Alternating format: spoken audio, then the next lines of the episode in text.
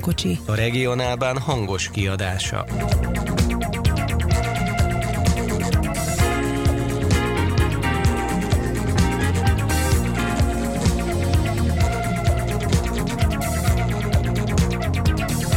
Köszöntjük a hallgatókat a közvetlen kocsi legújabb adásában. Amerikában járunk, Amerikából jöttünk, mondhatnánk. Köszönti a hallgatókat a szerkesztő Halász Péter és beszélgető társaink. Berki Dénes. Magyarics Zoltán. És Szundi Szabolcs. És az ígéretek szerint majd csatlakozik Mellár Marcel és hozzánk, ha minden jól megy. Akkor tehát kezdjünk egy picit régebről. Ugye az amerikai vasút kapcsán még mindig mondják azt, hogy hát volt ennek egy aranykora a 30-as, 40-es években, és hát itt az adás előtti kis beszélgetésben Zoli már mutatott egy ilyen a telefonkönyv méretű menetrendet? Nevezzük menetrendnek, igen, de ebbe aztán uh, Japán, Japánba menő hajóktól kezdve a uh, United Airlines ötször leszállós transzkontinentális, jár, transzkontinentális járatáig minden van. És azért, ha már transzkontinentális járatot említettél, azért nem mehetek el szó nélkül a magyar irodalmi vonatkozások mellett sem.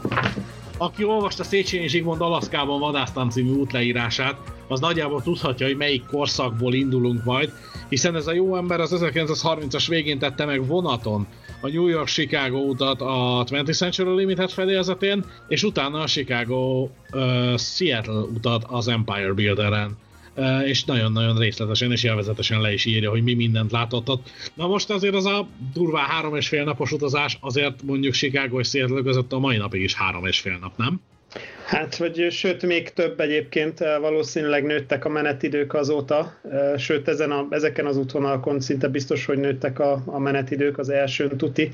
A, a 20th Century Limited, ugye a, a New York Centralnek volt a, a zászlós hajóvonat a New York és Chicago között, a ők ezt úgy hívják, hogy water level route, tehát ez a, um, a Hudson mentén, és utána ugye a nagy tavak mentén megy végig, uh, tehát gyakorlatilag vízszintes a vonal, ezért, ezért hívják ugye water levelnek, és ugye ez, uh, ez versenyzett a Pennsylvania Railroadnak a, a Philadelphia, tehát Philadelphia, Harrisburg, Pittsburgh fővonalával, illetve Chicago fővonalával, és erről azt kell tudni, hogy nagyjából olyan 17 óra körüli menetidőt tudtak faltól falig ezek a, ezek a vonatok.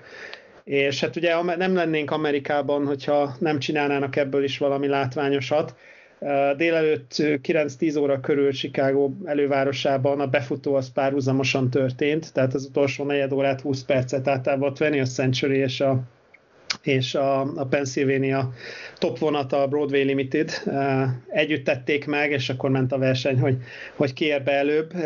Menetrend szerint így volt nagyjából kitalálva. Jó, nyilván volt ennek egy vicces vonatkozása, de, de hát akkoriban ugye ez volt a, ez volt a leggyorsabb, ugye a légi közlekedés felívelés előtt ez volt a leggyorsabb lehetőség. Most akkor nézzük össze, 17 óra volt ugye a csúcs, vagy hát az volt ugye a 30-as, 40-es évek menetideje, és most gyorsan megnézek egy légsor limitidet, ugye ez a mai megoldás New York-Chicago távra, a gyorsabbik talán. Ez a New York Central Water Level Route-ot követi, és ugye délután 15 óra 40 perckor elindulunk New Yorkból, és másnap 9 óra 50 percre vagyunk Chicagóban, tehát az ugye 10, 18, hogy is van? 19 óra, jól számolok? 9 meg 18 óra környéke. Tehát még nem is sokkal lassabb egyébként, de, de egyértelműen lassabb, mint, mint, mint a régi szép időkben idézőjelben. A másik útvonalon, tehát a, a Pensy útvonalon Pittsburgh fele azért már, már régen nem tudnak ennyit. Arra is maradt egy vonat, ez a, ez a Capital Limited, de igazándiból az egy teljesen más történetű Washingtonból indul, és lényegesen lassabb már lassabb. Ugye beszélgettük valamelyik korábbi adásban már, hogy a fiúk nem nagyon gatyáztak a sebességekkel, hanem gyakorlatilag ami a csövön kifért. Igen, sokáig nem volt szövetségi törvény a, a sebesség korlátozásra, vagy so, sokáig nem szabályozta. Ugye magánvasutakról beszélünk, tehát nagyjából mindenki az, úgy állította be a, a szabályokat, ahogy ő akarta. Nem igazán volt szövetségi szabályozás alatt a, a vasúti terület sok szempontból például a jelzési rendszert is, is maguknak csinálták, vagy maguknak határozták meg, úgyhogy innen jönnek azok a megoldások, hogy van, aki, van, aki ugye a alakjelzőt is van, aki lower quadrant alakjelzőt használt, ahol ugye 45 fokban lefelé van a szabad, van, aki pedig upper quadrantot használt, ahol ugye 45 fokban felfelé van a szabad, mint ahogy Magyarországon is. És aztán ember legyen a talpán, aki ezt, aki ezt tudja követni. Volt, aki, aki color position light-ot használt, volt aki, volt, aki csak position light-ot használt, ugye a, a Pensinek volt ez a, ez a kerek jelzőlapú jelzője, amin ugye 9 vagy 10 lámpatest van rajta, de egy színű mindegyik, és ugye akkor az egymáshoz viszonyított pozícióból lehet, lehet kiolvasni a csillagok állását, meg a megengedett sebességet. Tehát nem volt, nem volt sok mindenre szövetségi szabályozás, és innentől kezdve, ahogy mondtad, ami a, ami a csövön kifér, aztán néhány, néhány komolyabb baleset után, 30-as, 40-es években volt egy-két komolyabb baleset gőzös korszak vége, dízel korszak eleje táján, ami után lett szövetségi szabályozás a sebességi, sebességkorlátozásokra, illetve lett szövetségi szabályozás a pálya besorolásokra, tehát a pálya osztályokra, és jelenleg úgy van, hogy a, a Class 1 track, tehát ugye a, a legnagyobb engedélyezett sebességű pálya az általában 79 mérföld per órás a standard. Tehát 70 és 79 mérföld a két legmagasabb osztály, ez ugye 110 és nagyjából 121 pár kilométer per óra, és, és e fölött ugye már, már nagy sebesség van kvázi, tehát e fölé már nem mennek, de, de ugye létezik 110-es, illetve 150-es osztály még, de ugye azok már a, már a nagy sebességűek. Tehát általános használatú pályára ugye a 70-79 mérföld. Bocs, és akkor még a végére mutatnék egyet, ugye a Hayavata gőzmozdony mutatom a hallgatóknak, de ugye a Hayavata gőzmozdonyt akartam csak mutatni. Ugye a a Milwaukee Road, tehát ez a Chicago Milwaukee St. Paul and Pacific, a, a polgári nevük. Ők ugye Chicago és Milwaukee között versenyeztek több másik vasúttársasággal, és itt volt az, hogy olyan 137 kilométeren kellett a, a bűvös egy órás menetidőt hozni, és ugye ez gőzmozdonnyal a 30-as években. Tehát azért az, és, és úgy, hogy egy nagyvárosból kellett kijönni gyakorlatilag. Hát ez, ez, ez azt jelentette a gyakorlatban, hogy, hogy nem, volt, nem volt igazán óra, 160-170 környékére teszik a, a, tehát egy 160-170-et kellett tudni a gőzösen nyílt pályán ahhoz, hogy ez tartható legyen. Ez a 79 mérföld per óra, ez honnan jön? Tehát, hogy ugyanez, mint nálunk, ez a szintbeli átjárás 160-nál kezdődik, és akkor csak 159-re vizsgáztatjuk a pályát? Vagy tehát, hogy ez hasonlóképpen van ez az egész? Ezt nem tudom megmondani neked, sajnos, hogy egészen pontosan ez hogy jött ki. Igen, ez, ez, ez pont úgy hangzik, hogy 80 mínusz 1 valamiért. Az a furcsa, hogy a lejjebbi osztályoknál általában kerek. Tehát ugye a nagyon gatya pályákra vannak, vannak ugye a 20-as meg a 40-es, tehát ezek az alsóbb ilyen, ilyen, ilyen uh, iparvágányra való osztályok, vagy ilyen kisebb forgalmú vonalakra való besorolások. Ugye ezek, ezek kerek mérföldek, tehát ilyen 20-40 ilyesmi mérföldek, és 70-ig kerek, és utána a 70-nél van ugye ez a 79. Most egyébként azt kell tudni, hogy ez általában úgy működik, és valószínűleg itt van a cseh, hogy ugye a, az alappálya besorolás az 70, és az szokott lenni, hogy bizonyos vonatok mehetnek 79-el, és ugye a bizonyos vonatok az általában a személyszállító, tehát az Amtrak, az, aki mehet 79-el, illetve a, az intermodális, tehát a stack train, illetve a illetve a mm, piggyback, tehát a, a, kontén, vagy a, a kamion félpótkocsis vonat, ugye ő mehet 79-el. Hát akkor ez ugyanaz, mint nálunk a mellékvonalakon a kettő darab lassújá, hogy mozdonyos vonat vagy. Odamenetes lassújá, igen. És sokszor igen, sok, sok esetben ez van, igen, hogy 70 az alap, és akkor 79-el mehet az Amtrak, meg, a, meg, az, meg az intermodális uh, stack train. Lehetne 80 is, valóban. Mondom, nem, nem tudom a pontos indokot, hogy miért lett pont 79. Nekem van egy sejtésem, de az megint lehet, hogy itt így a fél felvétel időpontjában a fél esti fél kilences kirekesztés, hogy amerikaiak. Tehát, hogy nézzük meg bármilyen váltószámot a mértékegységeiknél. Tehát, hogy Na, mindegy, bocsánat. Hát nem, hát figyelj, attól, attól még lehetne mérföldben kerek, tehát uh, ugye az, hogy, az, hogy ők uh, Az, hogy most mennyi a váltószám, ez végig is egy relatív kérdés, mert hogyha mérföldben nézed, akkor ezek, ezek kerek számok. De, de hát a lényeg a lényeg, hogy, hogy igen, sokáig az volt, hogy ami a csövön kifér, aki gyorsabb, és azért ennek elég komoly verseny aspektusa is volt a legtöbb útvonalon azért volt konkurencia, tehát lehetett egymás ellen nyomulni, és ugye a dízelesítést is sok esetben ez hajtotta, hogy a szomszéd még, még gőzzel tolja, mi már dízellel toljuk, és ugye ez tolta azt is, ami Európában azért annyira nem volt jellemző. 30-as években itt már légkondicionált vonatok voltak. Tehát most pont itt felütöttem, mert, mert itt van el, elhasadva ez a biblia méretű menetrend. Itt ugye a Southern Pacific Lines írja kapásból, 1941. júniusában járunk, és a Southern Pacific uh, azt írja, hogy all principal trains fully air conditioned, tehát ugye az összes, az összes fontosabb vonat légkondicionált, és, uh, és ugyanez van már a Pensinél a New York Central 41-ben. Egy, egyébként Szabolcs, ugye annyit tennék hozzá, hogy a 79 mérföld per óra 127,1, a 80 mérföld per óra pedig 128,7 km per óra, tehát az átváltás az így se, úgy se jön neki kerekre. Viszont köszöntjük Jó. a köreinkben a Prága melletti Jenecsből egyenesen Mellár Marcel. Szia Marci! Jó estét kívánok, sziasztok! Jó estét! Na. Nekem lett volna egy kérdés, tehát hogy ez a nőttek a menetidők, tehát hogy egyáltalán van még menetidő, ami, ami, tehát, hogy amihez tudunk viszonyítani, vagy amit tudunk, amihez viszonyítani? Tehát, hogy vannak még ezek a vonatok? Ugye jó múltkorában is beszéltük, hogy ezek már csak ilyen hobbi, meg vasútbuzulus utazásokra vannak szervezgetve, tehát hogy vannak még egyáltalán ilyen távolsági jellegű dolgok? Én mindezt annyival egészíteném ki, hogy és mellette a hálózat is megvan, tehát összevethető, esetleg a nevében azonos vonat a 30-as évekbeli önmagával? Jó, hát ez, ez ugye a második az egyszerűbb kérdés, mert ilyen hálózat az van, de ugye az Amtrak országos lefedettsége az elég komoly uh, uh, találatokat kapott az elmúlt, hát most hogy mondjam, 30-40-50 évben, amióta ugye van. Uh, 71 májusá, májusától vannak, ugye.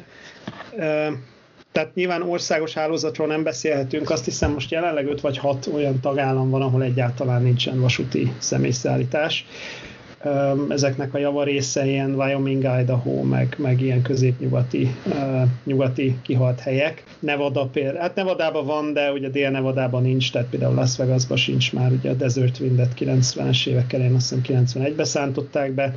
Idaho ugye a, a Pioneer táli... Szó szerint, igen. Hát igen, igen, igen. A vonal megvan különben, meg, meg lehetne csinálni, de, de ugye a Desert Wind megszűnt. Akkor Idaho-ban a Pioneer 90-es évek elején, 80-as évek végén valahogy úgy búcsúzott a Pioneer, ugye, ami, ami a, a City of Everywhere-ről már beszéltünk korábban, ugye a City of Everywhere-ről ágazott le kvázi, tehát a, a, a City of Everywhere csinálta meg az Amtrak, úgyhogy a, a California Zephyr, a Pioneer és a, és a Desert Wind megvolt, és ugye ez volt a, a City of Everywhere-nek a, az utódja. Akkor ugye Wyoming maradt még vonat nélkül, a Chicago, Burlington and Quincy, meg a, a Great Northern onnan kivonult teljesen.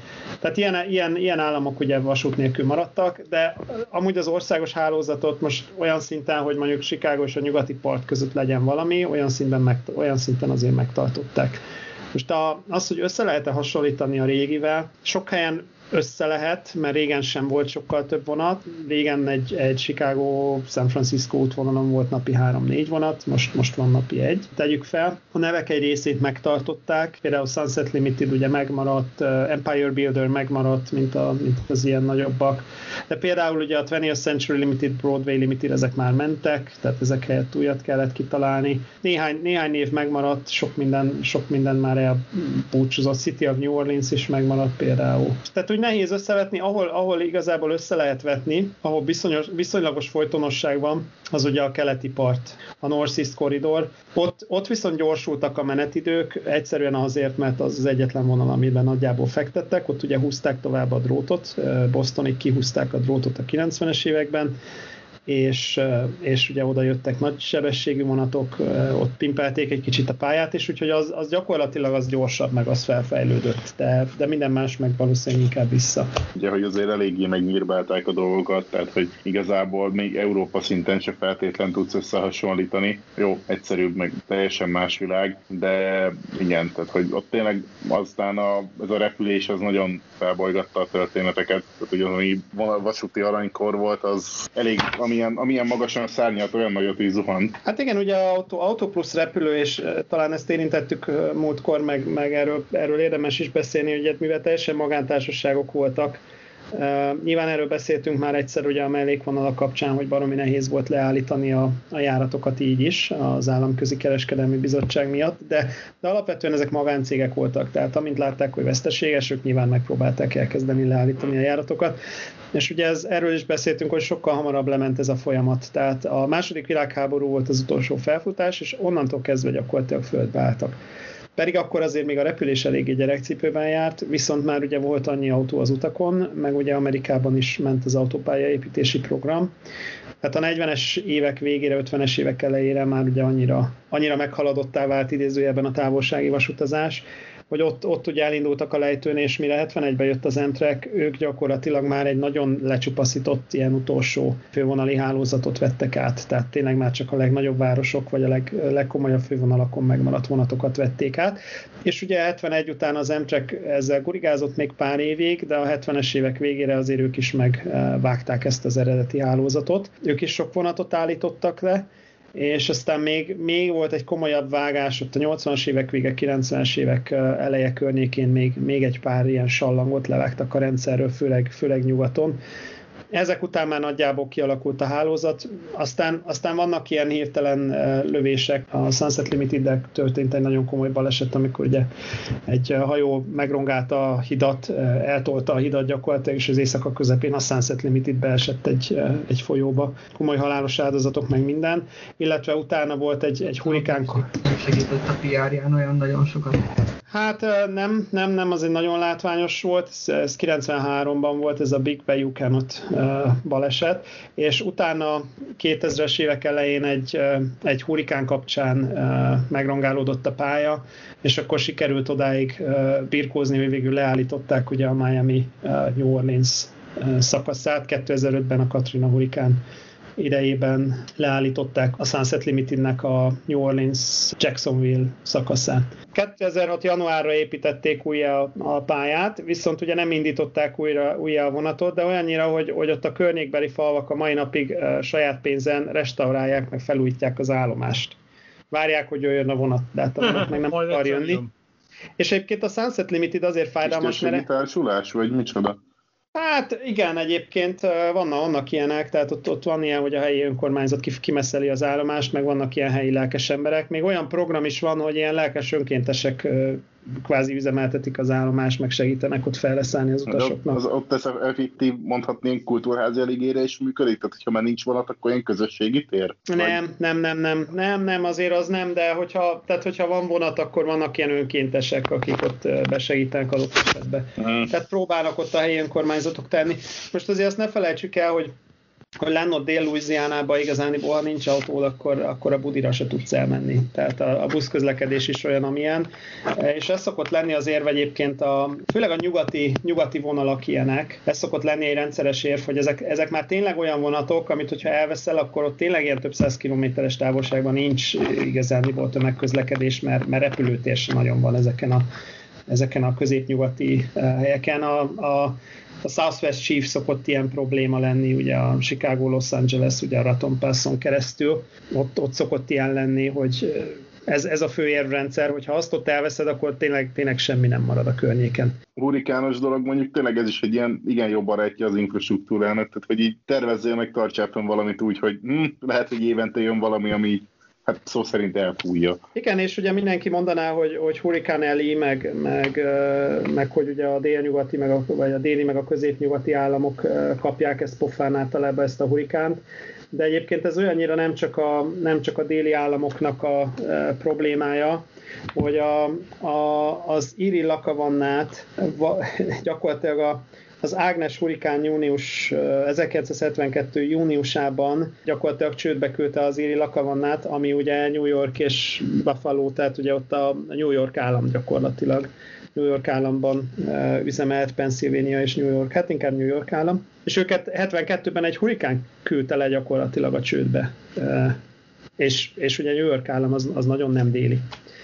Úgyhogy így van, tehát ez, ezzel nehéz számolni. Rengeteg, rengeteg olyan amerikai vasút történeti uh, sztori van, ahol, ahol gyakorlatilag a hurikán pecsételte meg egy vasútvonalnak a sorsát, vagy akár egy egész társaságnak a sorsát. Igazából oda térnek egy picit vissza, hogy a 30-as évek, ugye, amikor itt beindul a nagy-nagy aranykorszak, és ugye említettük, hogy ezek magáncégek voltak, piacorientált vonatozásról beszélgetünk.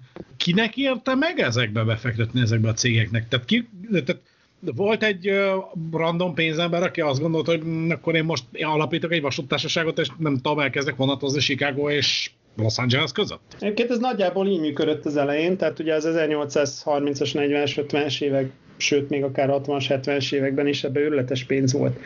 Ugye a sztori nagyjából úgy szólt nagyon leegyszerűsítve, hogy, hogy ha építettél vasutat, akkor a vasút mentén X mérföld szélességben megkaptad hozzá a földet kvázi és ugye akkor az volt a buli, hogy ezt a földet föl lehet parcellázni, el lehet adni, és akkor ilyen benépesítő vonatokat tudtál szervezni, tehát ha mondjuk te vagy a Union Pacific, elindulsz nyugatra, és ugye minél messzebbre mész nyugatra, ugye annál több földed lesz, és annál több földet tudsz felparcellázni, eladni a, a potenciális telepeseknek, akik adott esetben Németországból, Magyarországról, Írországból, innen-onnan jönnek, ugye, mert, mert, mert, ott nincs, mert ott nincs föld már, és ugye ezért volt az a rally, hogy, hogy amikor a Union Pacific és a Central Pacific építkezett, akkor ezért volt az a rally, hogy hol találkoznak. Tehát ki, ki tud minél messzebbre menni, és ugye ez, ez odáig fajult ez a helyzet, főleg emiatt ezt land grantnek hívják, ugye, tehát ilyen földadománynak. Ugye odáig fajult a helyzet, hogy ahelyett, hogy egyszerűen találkoztak volna, szépen elépítettek egymás mellett, mert ugye mind a kettő el akarta tolni a neki kedvező irányba a találkozási pontot. Tehát egy, nem is tudom, hogy 10-15 mérföld legalább volt, ahol túl, túlépítkeztek, és akkor utána Washingtonból jött a távirat, hogy gyerekek ezt tessék abba hagyni, és akkor Promontory Pointnál lesz a, lesz a hivatalos találka, és akkor ott, ott kijelölték, hogy akkor, akkor ott fog találkozni a kettő, ugye 1865, tehát ez a ez az amerikai holdra, ez első holdra szállás igazából. Tulajdonképpen nem is feltétlenül itt a vasúti oldaláról szólt elsődlegesen, hanem ez, hát, ez a igen. szerezünk minél több földet. De... Hát igen, az elején, az elején ez sokszor így indult, főleg nyugaton. Ez inkább ugye, inkább ugye nyugaton volt ez tényező, ugye Chicagótól nyugatra volt ez tényező, ahol tényleg arról szólt, hogy, hogy minél hosszabb pályát építesz, annál nagyobb földed lesz.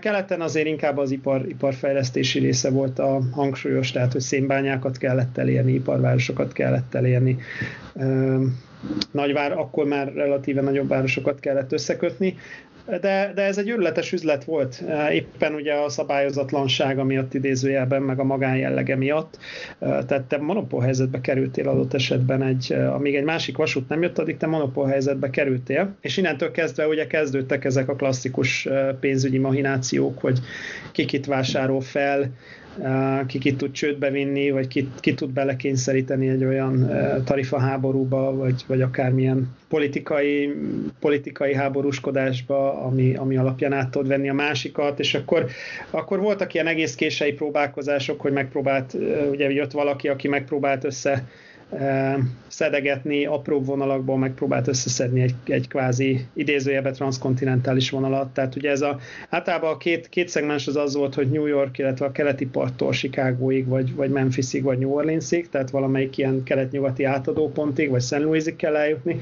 és akkor ugye a másik, másik ilyen idézőjebe transzkontinentális lépték az az volt, amikor a, a, a fő kelet-nyugati átadópontoktól kellett ugye nyugatra építeni a, a csendes óceánpartig, és aztán voltak olyanok, akik ilyen mellékvonalakból próbáltak össze e, szerkeszteni maguknak egy keleti part Chicago útvonalat. Az egyik híres próbálkozás, ez a Alphabet Route névre hallgatott, amit ugye azért hívtak KBC útvonalnak, mert annyi ilyen négy-öt betűs kis regionális, meg helyi ilyen két-háromszáz kilométeres vasutat vég a véggel próbáltak összefűzögetni, hogy létrejöjjön egy, egy, egy azt hiszem egy Washington vagy Baltimore Chicago vonal gyakorlatilag.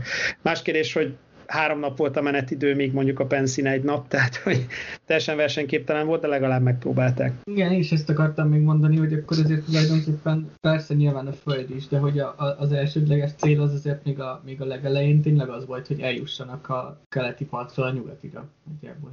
Hát igen, igen, igen, és akkor ugye ezzel járt a gazdasági, ezzel járt a gazdasági része, hogy, hogy orbitális üzlet volt ez gyakorlatilag az elején, amikor monopól helyzetben voltál. A Union Pacific talán az egyetlen ilyen nagy eredeti vasút, ami még mindig a saját nevén létezik, és ugye nekik, ők, ők annyi, annyival csináltak nagy bulit, hogy ők elépítettek, uh, Omaha-tól elépítettek ugye Promontory Pointig, tehát Utah uh, államig elépítettek, és ők lettek az első transzkontinentális vasút 1865-ben. És ugye ez a monopól helyzet az elején elején annyira megtolta őket, hogy gyakorlatilag a legnagyobb amerikai vasút a mai napig a Union Pacific, és, és, és stabil, és, és működik. Én ezeken az évszámokon vagyok fennakadva, amikor onnan kezdődik a tört, vasút történelem Amerikában 1830. Hát ugye igen, igen, a Baltimore and Ohio, ugye az első... Ez, ez azért durva, mert nem tudom, szóval, tehát hogy ez itt tök egyszerre van Európában. Igen, szóval igen, közben igen. diszkréten elnyúlt egy könyvér, és keresi a ide vonatkozó szakirodalmat, jó? Igen, mert a, igen, mert a Baltimore and. Tudjuk a hallgatóknak, igen. Nem, a a Baltimore and Ohio-t eh, akartam megkeresni, mert ugye Baltimore and Ohio volt az első amerikai... Igen, ez, ez mindig nehéz, amikor az ember azt mondja valamiről, hogy első. Eh, Most próbálom úgy megfogalmazni, hogy támadhatatlan legyen, tehát ők voltak a, erre, erre van, egy, van egy angol száz terminológia egyébként, ezt common carrier-nek hívják, de ezt nehéz ugye lefordítani. Kereskedelmi célú, Hát, ne, még az sem. Hát common carrier, hát azt mondanám neked, hogy kö, hát a közforgalmú egyébként a közforgalmú Aha. lenne ez. Tehát az első, első közforgalmú, mondjuk közforgalmú vasúttársaságnak, azt ugye a Baltimore and ohio tartják, és akkor most gyorsan megnézem, hogy ugye a Baltimore and Ohio Charter, tehát az eredeti alapító okirat, az 1827. február 28.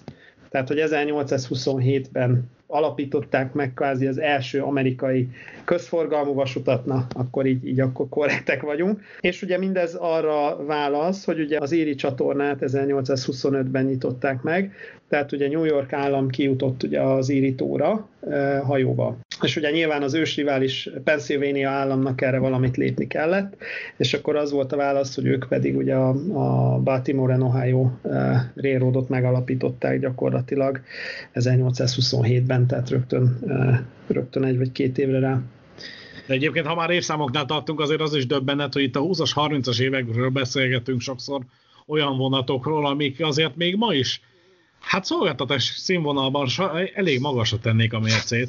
Tehát kezdve, hogy amit említettünk már, légkondicionált, áramvonalas, észvesztő sebességgel közlekedik. Na várjál, most még 1800-nál járunk ám, mert, mert még, még azért azt, azt vegyük figyelembe, hogy, hogy hogy ugye a BNO, ugye a BNO volt az első, az első hegyi vasút a világon. Olyannyira egyébként, hogy ugye Kari von Géga, aki ugye a, a Semmeringnek volt ugye a, a főmérnöke, vagy, vagy a, a, ő volt ugye a, a hajtóerő a Semmering mögött, ő már, már a BNO-t ment tanulmányozni. Úgy nem tudom, ebben nem teljesen az van, még most is, mert nehezemre esik elhinni, hogy, hogy ezt az vasút dolgot, ezt így, hogy az angolok meg Európa találta föl, ehhez képest nem, nem, sőt olyannyira, hogy az amerikaiak patriotizmusból, ugye az angolokkal nekik azért volt történelmük, tehát a, a Boston Party már... Volt ott, né, volt ott igen, igen, volt de, de, de, de, de, nem, ez tényleg érdekes, mert ez rohadtul, tehát hogy ez tök közel van ehhez időben. Tehát, hogy igen, itt, így van, így van, tehát hogy mennyi, egy 30-40 évvel vagyunk, igen, ugye? Így igen, van. Így van. Igen. Ha mindegy, tehát volt, volt itt Boston Tea Party, meg mit tudom én, tehát, tehát viszonylag közel vagyunk, viszonylag közel vagyunk időben, és, és ehhez képest azért az első, az első mozdonyokat azért Angliából importálták jobb hiány. Jó, hát azért nyilván, tehát igen, nem véletlenül Stevensot mondjuk az első igazi vasútnak, de, de hogy... Hát meg igazából Dénes, most az alapvető technológiai pro- problémák, még tehát az a nagy, nagy mennyiségben nagy dolgokat szállítani, tehát az a, a alapvető problémák azok jelentkeztek mindenhol. Tehát, hogy mind, mind az európai oldalon, mind az amerikai oldalon, hogy fejlődik a technológia, ahhoz meg szállítani kell, és jaj, mind szállítsunk, tehát, hogy sokat viszonylag gyorsan. Hát Amit ugye Dénes mondott, hogy ott is, hogy mekkora élet, tehát uh, ja, valahol... Nem, nem, az, nem, igen, nem az életen, nem tudom, csak Csak hogy nekem ez a, ez a vasútépítés korszaka, ez a 19. év, 19. évszázad második fele. És, Hát és igen. meg most Történelem erősen 19. az évadának első beszélünk. Hát igen, igen, most pont azt nézegettem, hogy 1848-ban, amikor ugye eltoltuk Pestről Vácig azt a 30 kilométert, na, akkor igazándiból a BNO az már ilyen, ilyen néhány száz mérföld hosszúságnál járt, és ugye akkoriban ők már erősen a hegyen építkeztek, ugye Wheeling azt mondja, hogy 1800 46 egyébként. a 1853-ban ért el ugye Wheelingig West, eh, West Virginia, Nyugat-Virginia Wheeling, ami ugye már Pittsburghön túl van, az már ilyen 400 mérföld, és ugye az már a hegyen túl van. Tehát az Epelecs hegységen nagyjából, nagyjából addigra már áttolták az Epelecs hegységen a vasutat, eh, amire, amire mi elkezdtünk vasutat építeni. Tehát nem, nem, nem kell őket ugye leírni, és azt akartam még mondani, hogy ugye az elején, elején Angliából importáltak egy-két mozdonyt, de utána nagyon hamar már ilyen 1828-30 környékén eh, megindult az, hogy, hogy elkezdtek ők mozdonyt gyártani maguknak. De Tehát, ugye eh, ez a, elkezdtek mozdon gyártani maguknak, ez még mindig gyakorlatilag a keleti part, tehát ugye nyugat fele még ott a Hát Préli, meg a Kambriok, meg Old Shatterhand és Winnetou. Tehát uh, Jó, az, az megint egy másik történet, tehát ez ugye megint egy ilyen holdra szállás történet, tehát itt ugye azt kell látni, hogy teljesen más irányon indult el a, a vasútfejlesztés uh, nyugaton, mert ugye ha megnézed a térképet, Chicagóig be tudsz hajózni. Tehát ugye volt, volt egyszer, egy, volt egyszer egy, egy elérendő iparvidék, vagy bányavidéked uh, Pittsburgh környékén, vagy ugye az Epelecs hegységet el kellett térni, szénbányák, egyebek. Azt ugye elég nehéz volt azért vízen, tehát az nyilvánvalóan egy, egy vasúti terület volt. Viszont ugye ezek után jött a következő, ugye a nyugatnak a meghódítása, tehát a préri, ugye a mezőgazdaság, ezt ugye Granger Railroadnak hívják ottani szaknyelven, tehát ez a mezőgazdasági vasút kvázi. Nekik viszont ugye nem feltétlen kellett keletről indulni, tehát Chicagóból hamarabb elindult nyugatra a vasút, mint hogy keletről odaért. Mert ugye Chicagóig fel tudtál menni hajón. És nézem ugye a Chicago térképet, ugye 1848-ban épült az első vonal, ez volt a Galena and Chicago Union, tehát ez egy ilyen 20 mérföld. Ez, ez körülbelül a Pest-Vác, és ugye évszámra is, évszámra is nagyjából ott járunk. És, és akkor indult el Chicagóból nyugatra a vasút, de ugye ekkor a keleti oldalon már elég komoly hálózat volt. Igen. az érdekes egyébként. Ugye nyilván persze magával vonja ez az egész sztori azt is, hogy mi ekközben Magyarországon ugye a Habsburg birodalomnak eh, voltunk egy tartománya, és, eh, és próbálkoztak itt ugye mindenféle függetlenedés és egyéb politikai reformokkal, tehát nyilván nem a vasúti közlekedés volt a legfontosabb, amit, amit be akartak indítani első körben, bár ugye ez is az ipari forradalomnak az egyik jele volt, de mindeközben egy, eh, nem egy ipari ország volt, ugye Magyarország sem. Hát meg ugye magántőke, magántőke versus állami tőke. Tehát Amerikában ugye erre volt Magántőke itthon magántőke. nem nagyon volt azért. Vagy, vagy legalábbis sokkal szabályozottabb keretek között Igen. jelenhetett meg ugye a vasútépítésben a magántőke. Ugye mindegy, mindegyik ilyen vas- vasútépítési történelem úgy kezdődik, hogy a király megadta rá az engedélyt, hogy vagy a császár, vagy éppen aktuális X. Pak ennyi. Amerikában így van. Amerikában meg gondolom úgy gondoltad, hogy vasutat építesz, és akkor elkezdted építeni a vasutat. Persze, ha találtál, találtál rá embert, tudtál szerezni kavicsot, meg, meg fát, meg sint, akkor építettél vasutat. Jó, nyilván volt valamiféle jó kerete, de alapvetően tiéd a pálya. Igen, meg hát ugye Európában nem volt cél az, mint, mint mondjuk Amerika esetében, hogy ugye, ugye Amerika esetében, hogy elérd a nyugatot, szóval itt nem volt az, hogy el kell érni a keletet feltétlenül. De volt erre való kísérlet 110 évvel később, csak hát az egész, egészen más apropó volt. Jó. Igen, igen, meg a nyomtávok, igen. Nem, De, de hát azért igen, de azért vannak, vannak párhuzamok, szóval itt is tulajdonképpen, igen, ez érdekes amúgy nagyon ez a, ez a vasút és, és vízi szállítmányozás közötti párhuzam. Ez, ez a része, ez ugyanúgy Európában is megvolt, tehát pontosan ugyanúgy kikötőkig kellett eljutni a vasúttal, és, és ugyanúgy a, mit tudom én, a Duna mentén nem épült annyira vasút első körben, mert nem, tehát hogy nem erre volt szükség, hanem, hanem pont, hogy olyan helyekre eljutni, ahova hajóval nem lehet. így van, és így van, és ugye a, az Ezért iri- a- építettük Budapest és Vác közé a vonatot, igen. Jó, az jó, az, Hát igen, az, igen, az, az egy politikai dolog volt, mert ugye az a Bécsi, Bécsi vonalnak a eleje volt, csak aztán úgy fejlődött a világ, hogy nem Hát A- csak nem az lett, a, igen, tehát A hogy nem, nem arra, megyünk Bécsben. arra fele is Bécs, csak nem úgy. De Szabi, ha megnézed, a második az már ugye, ugye Szónok fele indult, tehát ott már kapásból ugye kvázi merőlegesen nem indultunk a Dunára.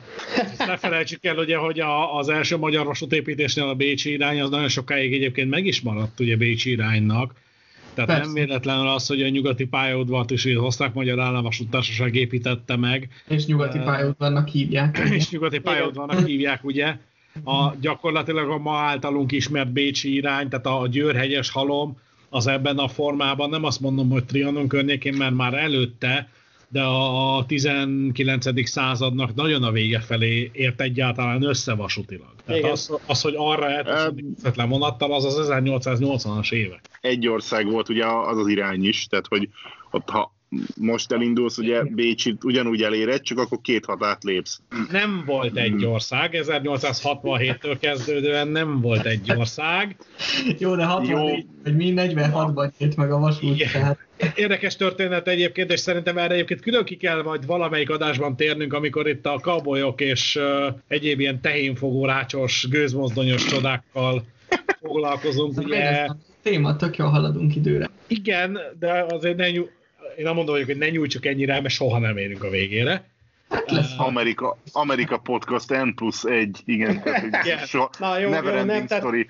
Jó, X, tehát, nagy, tehát, X nagyobb egyenlő négy. jó, tehát, tehát Vinetúból és Old Shatterhandből nekem is fel kell készülnöm, hiába szerettem egyébként kurvákat olvasni, de újra kell olvasni, tehát na, na ugor, ugorjunk egy picit. Egyébként, hogyha a Vinetú könyvet fellapozzátok, abban vannak ilyen eredeti hirdetések, ilyen eredeti reklámok, és ott azt hiszem, hogy a Central Pacificnek, vagy valamelyik ilyen nyugati vasútnak van pont egy ilyen egy ilyen földárveréses hirdetése, hogy x napon lehet vonattal menni, külön vonattal valahova oda Sacramento környékére, és akkor ott földárverés lesz. Tehát ugye, ez a, ugye a nyugati vasutaknak ez volt az egyik hajtóereje, és, és aztán a másik hajtóerő, tehát hogy azt láttuk, hogy az Íri csatorna 1825-ös megnyitása ugye kihozta, kihozta a Baltimore and Ohio megalapítását 28-ban, vagy 27-ben, Uh, gyakorlatilag hasonló játszódott le nyugaton, Chicagótól nyugatra, ott pedig ugye 1848-ban ugye a Galina and Chicago Unionnal indult meg az a tendencia,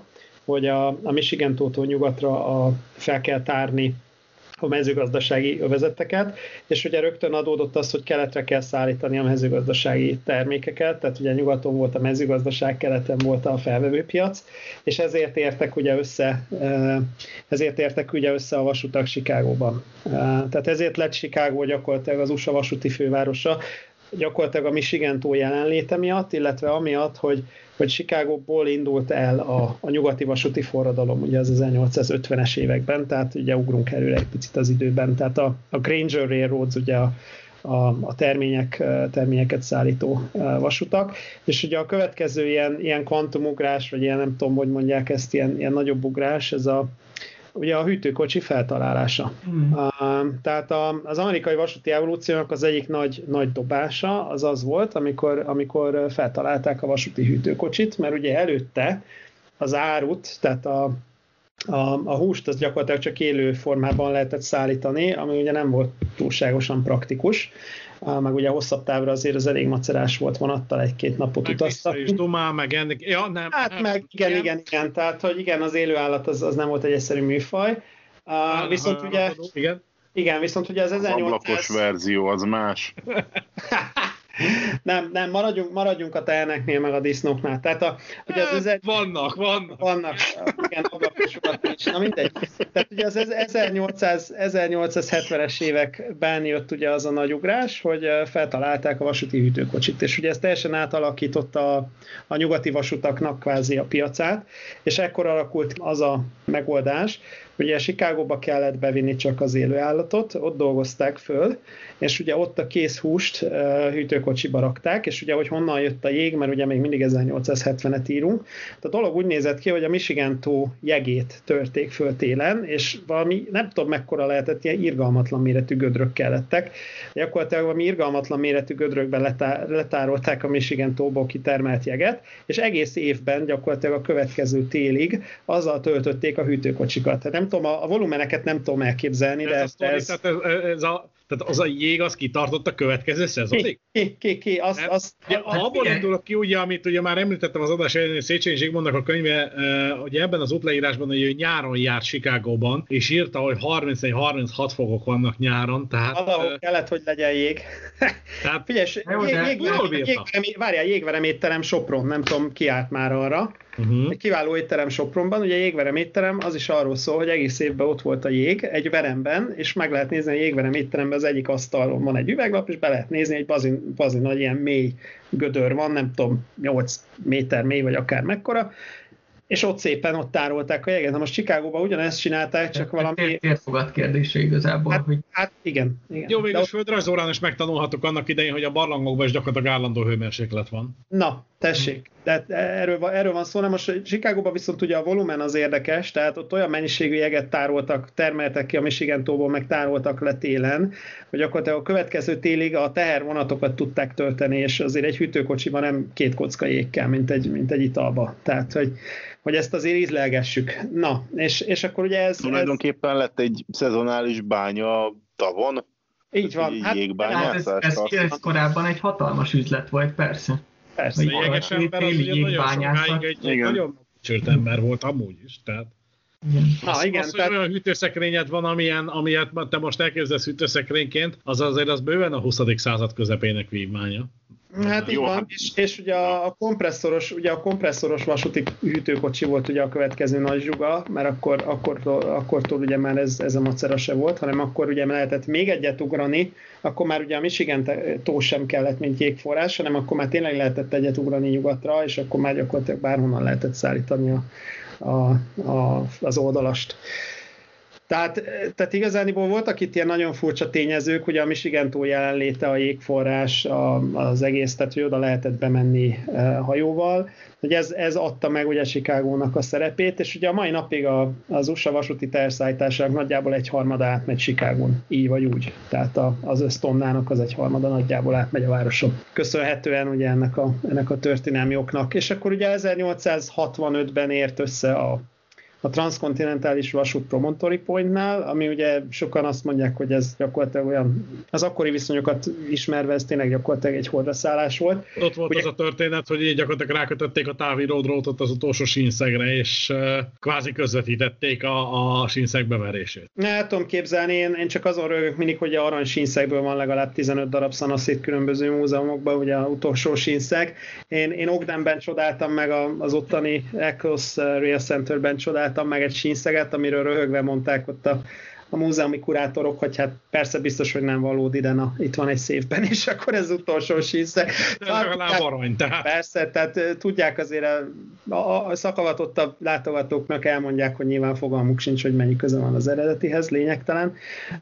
De a lényeg az, hogy ugye összeért a, összeért a vasút, és ugye akkor itt meg kell emlékezni a kínai melósokról, akik, akik ugye a Sierra Nevadán keresztül építették hóban fagyban a vasutat, és utána San Francisco környékén telepettek le, ugye ezért van mai napig nagyon komoly Chinatown, meg, meg kínai kolónia Frisco környékén, tehát ugye nem mentek már haza.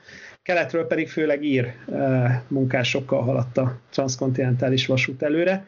És hát összeért 1865-ben, és ugye ez megadta azért az alaphangot mindenki másnak, aki, aki még transzkontinentális vasutat akart az USA-ban, és az 1880-as, 90-es évekre gyakorlatilag megvolt a, a mai hálózatnak a gerince, hogy úgy mondjam. És egyébként a sors iróniája, hogy eh, ha minden igaz, akkor az egykori találkozási pont, a Promontory Point az már nem része a mai vasúthálózatnak. Így van, ez, ez így pontos, mert ugye e, megépítették a Lucin Cutoffot e, a... Hűha, várjál, most megfogtál, hogy ez Western Pacific volt, de, de, de, de ezt most meg kell néznem, hogy ez a Western Pacific volt, de úgy emlékszem, hogy ez a Western Pacific volt.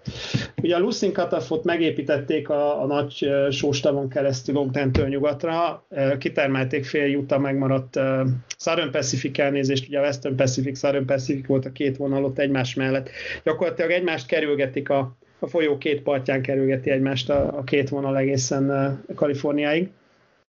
És ugye 1200, 1902 és 4 között épült a Lucin Cutoff, és, uh, és akkor vált okafogyottá ez a, ez a Promontory uh, Point történet. A Promontorinak az volt egyébként a problémája, hogy kim van a francba a sivatagba, és gőzmozdonyja gyakorlatilag nagyon macerás volt a vízvételezési lehetőség hiánya miatt nagyon macerás volt üzemeltetni ezt a szakaszt és ugye ezért csinálták meg a Lucin Katafot, ami egyébként a Lucin Kataf önmagában egy izgalmas történet, mert ugye 1904-ben hát mi a fenéből lehet építeni, hát fából, úgyhogy gyakorlatilag a fél államfa készletét beletermelték a tóba, ami ugye sós, és kiválóan konzerválta a fát, és 1959-ben, amikor már nekiestek géppel a dolognak, és, és átépítették kő gátra gyakorlatilag a, a Lucinkatafnak a, az, a tavi szakaszát, akkor kitermelték a faanyagot, és hát ugye mi a francot lehet csinálni a, a 55 éves lekonzervált sósvízben 50 évet eltöltött fával, Hát ugye el lehet tenni és el lehet adni apránként, úgyhogy azt mondták ott a helyiek, hogy a mai napig még építkeznek Eh, abból a fából, amit a, amit a tóból kiszedtek a vasút alól, a Lucinkatavból. Mondták a mennyiségeket, hogy, hogy mennyi, hány köbméter fa, de nem tudtam megegyezni, mert ilyen, nem tudom, ilyen milliós, tehát ilyen valami őrületes mennyiségekről van szó. Hát gondoljatok bele, hogy egy gyakorlatilag nem is tudom hány kilométeres szakaszon át kellett vinni a vasutat egy tavon, és, és ugye ezt fával kellett alá ducolni. Most nézem nagyjából, hát ugye a főszakasza a Lucinkatafnak az lehet vagy 15 km körülbelül, 14, plusz, plusz még a kisebbik szakasza is van, vagy 6. Úgyhogy ez a vonatkozó sztori a Lucin Katafról, és, és hát emiatt ugye Promontori, uh, Promontori gyakorlatilag egy sivatag maradt, és, és nincs már ott semmi. És akkor, ha megyünk tovább ugye itt a történelemben, ugye ekkoriban még valóban ezek a western filmekből ismert gőzmozdonyok is jártak arra a balra fogóráccsal, és itt tovább ugye transzkontinentális vonatozás sem volt egy túlzott nyugodtan um, vonzó alternatíva azért. Hát nyilván az elején nem a kényelemről szólt ez a történet, tehát ha monopól helyzetben vagy, akkor nem feltétlenül fogod uh, ugye kényeztetni az utasaidat, de igen, de ugye akkor, a nagy ilyen szikrafogó kéményes, ugye, hogy a prérit nem kéne felgyújtani, marafogó rácsos klasszikus, nagycsengős, klasszikus amerikai 4-4-0-ás uh, gőzmozdony, igen, ez volt az alaptípus.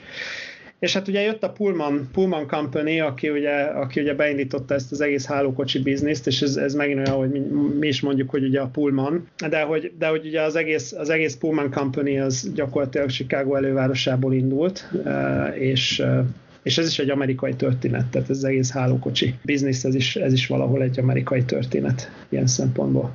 És ha már Pullman Company ugye ott, ott, a tengeren túlon elég sikeresek lettek, és ugye aztán Európában is az első világ, sőt bőven a második világháborúig azért, azért nagyon komolyan tolták, hogy a Pullman, illetve hát ugye a Wagonli, ezeket a luxus vonatokat, de Amerikában azért ennek egy picit más lett a kifutása, mint Európában. Hát igen, a, a Pullman Company ugye 1862-ben indult, tehát azért ez is egy elég patinás cég, azért érezzük, hogy nálunk még, még azért nem feltétlenül a kényelemről, vagy a, vagy a, igen, tehát nem a luxusról szólt még 1862-ben a vasút, hanem az, hogy érjünk le Szónokig, vagy, vagy Debrecenig. Akkor, akkor indult ugye a Pullman Company, és amiben más volt, az az, hogy ők, ők üzemeltettek is. Tehát a, a vasutak jelentős része úgy működött, hogy a hálókocsit azt a Pullman Company adta, és a hordára, a hálókocsikkal az mindenki a Pullman Companyhoz tartozott.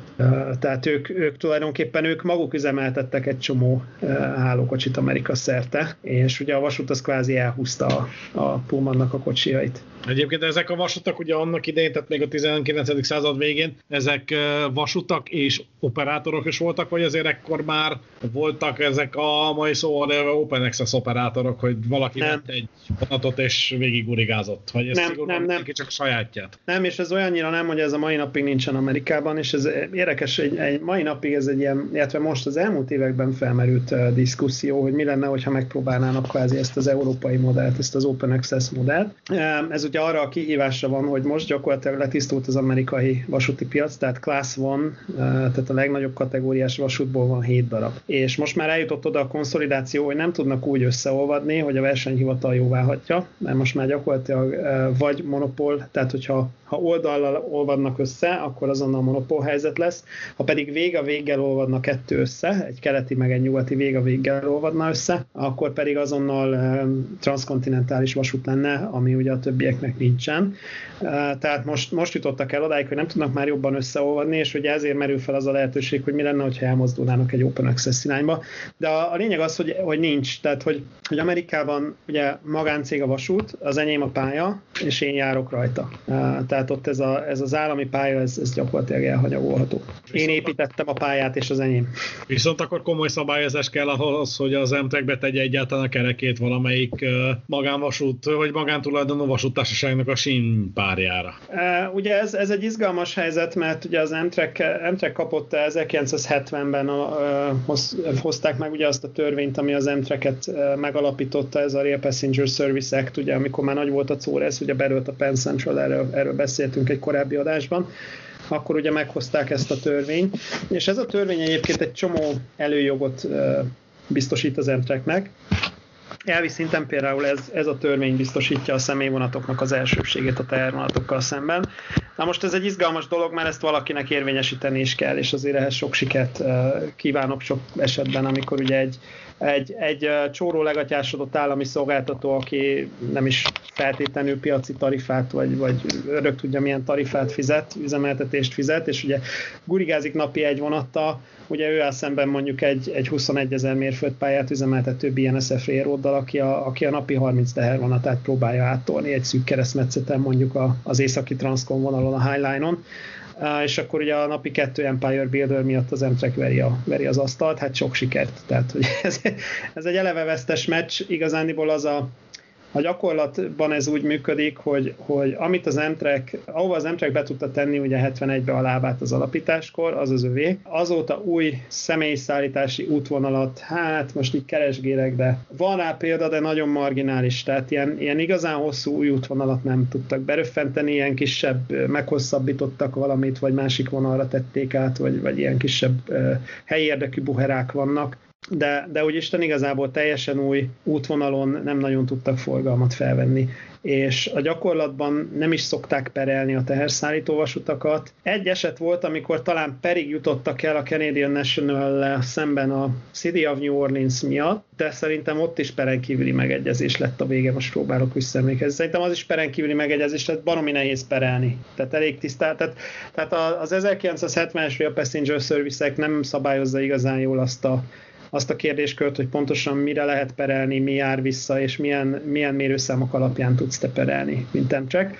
Úgyhogy hát, ja, ez egy ilyen, ez egy ilyen megtűrt, hogy mondjam, a tűrt tiltott támogatottból ez inkább a tűrt kategória. És ugorjunk vissza egy picit a történelemben az eredetileg már fölállított idővonalhoz, hogy így mondjuk, hogy a Pullmanékról már beszéltünk, és a Pullman kocsikról, és azért ez a történet fejlődött tovább, tehát azért idővel megjöttek az utasok igényei is, amiket ki kellett elégíteni, tehát azért a vasúttársaságoknak is valamit villantani kellett, hogy őket válasszák az utasok. Ugye ekkoriban indult be az a történet, amit láttunk a 20-as, 30-as években gyakorlatilag csúcsra járni? E, igen, gyakorlatilag ugye a, a Pullman volt a távolsági, a távolsági utazás, a, hogy mondjam, a traveling in style, tehát a, a minőségi távolsági utazás az a Pullmannal volt egyenlő akkoriban, évtizedeken keresztül.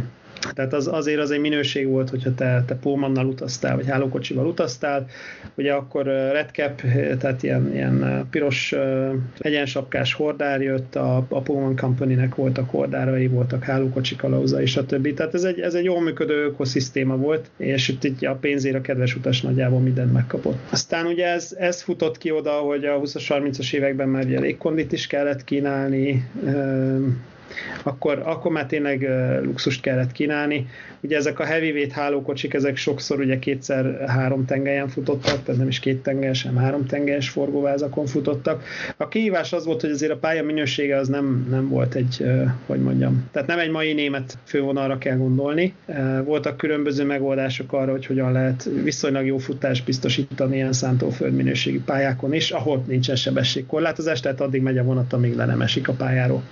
Úgyhogy ebbe a kontextusban azért nehéz volt hálókocsi luxus csinálni, de, de csináltak. Sok vasúti múzeumban ki vannak állítva ezek az eredeti étkezőkocsik például, ugye az is, az is egy nagy biznisz volt az étkezőkocsi, és, és ott aztán tényleg olyan porcelán étkészletek voltak, vonatra, vonatra márkázott étkészletek voltak. Tehát ha mondjuk a, a Chief-en utaztál ugye a Santa Fe-n, akkor, akkor indián motivumos porcelán étkészletből lettél például.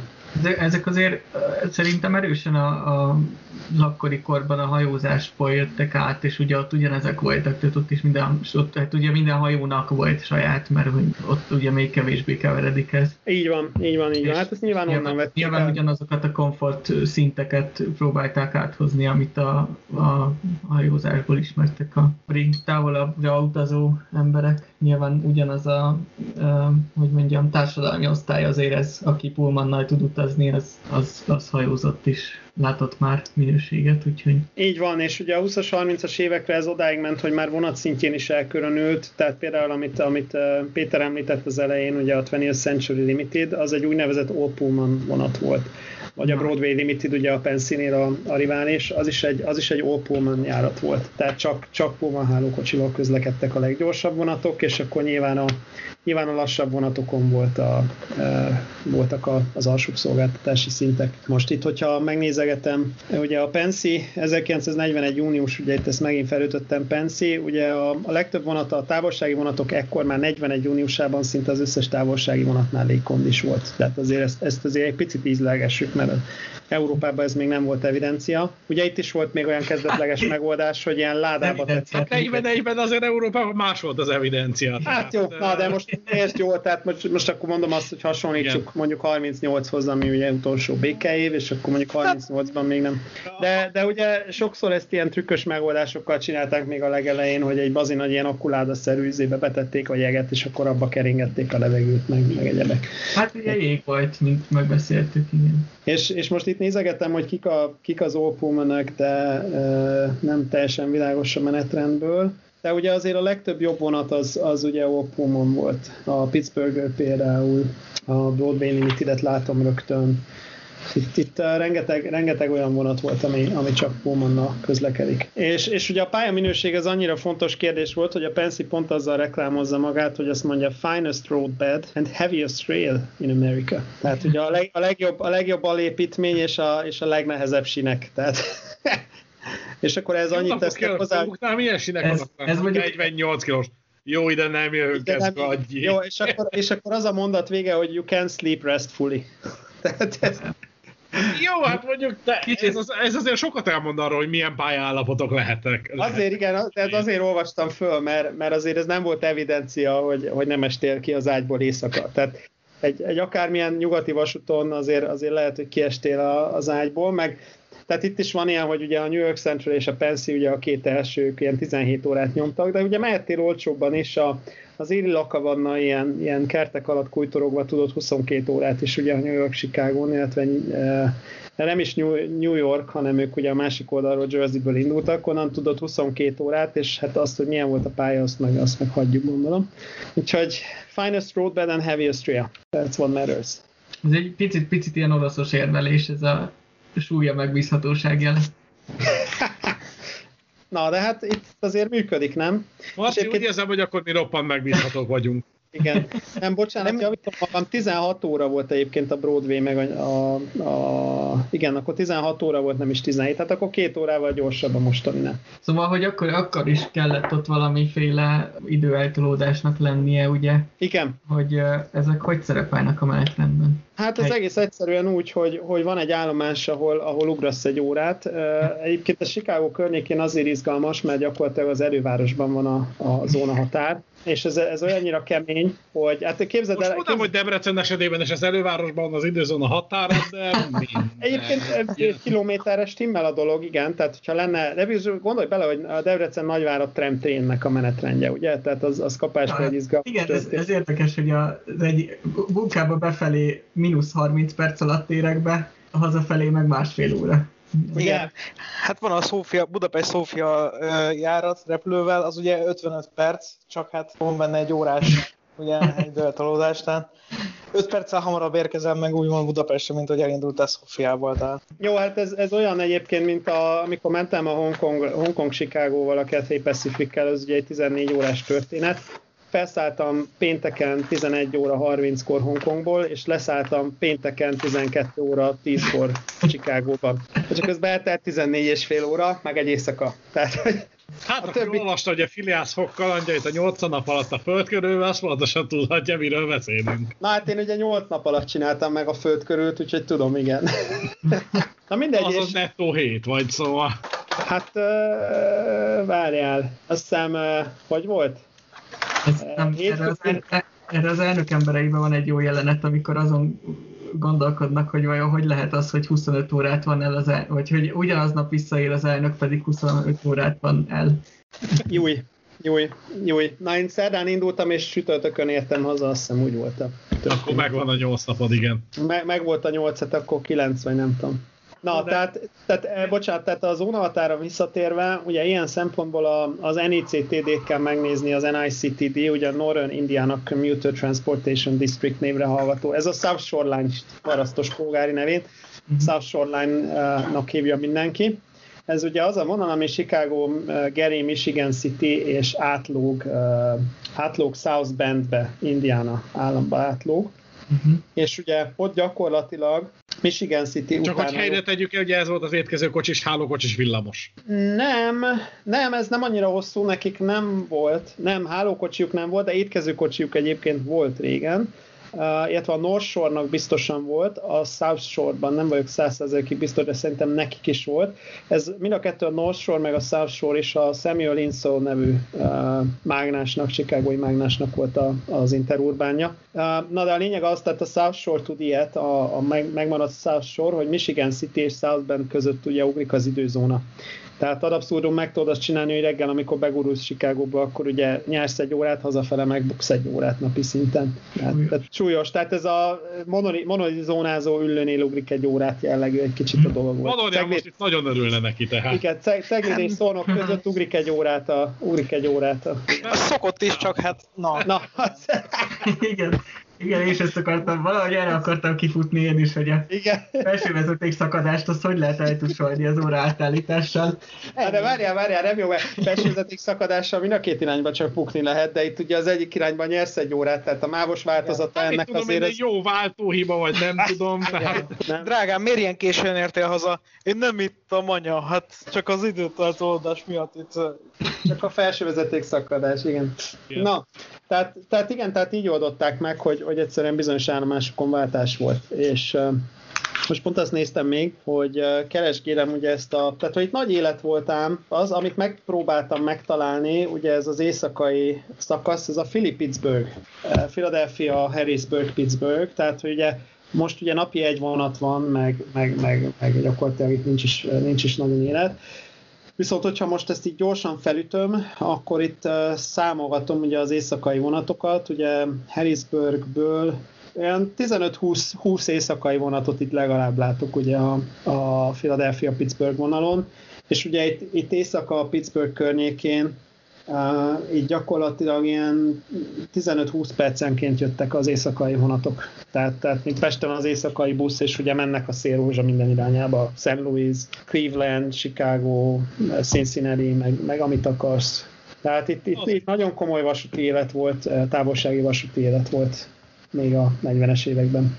Bocsánat, egy pillanatra visszaugrok, mert, mert rákerestem. Az van, hogy 1884-ben vezették be az első, de az még nem egészen felelt meg a mai időzónáknak az USA-ban, ami azt jelenti, hogy egy jó 50-60 év eltelt úgy vasutazásilag, hogy, hogy szinte minden városban más idő volt, mert ugye addig még mindenki a saját idejét használta. Így van, így van, de hát ugye pont a, pont a távolsági vasút kényszerítette. Pontosan így van, e, így van, a, pontosan a, a vasút üzemeltetők kényszerítették végül ki azt, hogy legyenek egységes időzónák, úgyhogy... És, a- és akkor van Oroszország, ahol ugye... Igen, igen, igen, igen. Igen, ahol ugye... Oroszország van. Az úgy és- jelen De van, várjál, és várjál, de, csendesen jegyzetel. vá- várjál, de ugye a, a Oroszországban ugye más megoldást követnek erre, ott nem az van, mint az USA-ban, hogy mindenki vált Ott és a kész. vodka, Ja, Nem a vodka, hanem ott ugye a távolsági vonat moszkvai időn jár mindig a, az egész országban, a helyi vonat meg helyi időn jár, ami ugye e- e- eredményezi azt a gyönyörű jelenetet, amikor kínálok Novosibirskbe a peronon, és elindít előlem, Az, az, abban Novosibirsk. épp kínálok Novosibirskben a peronon, igen.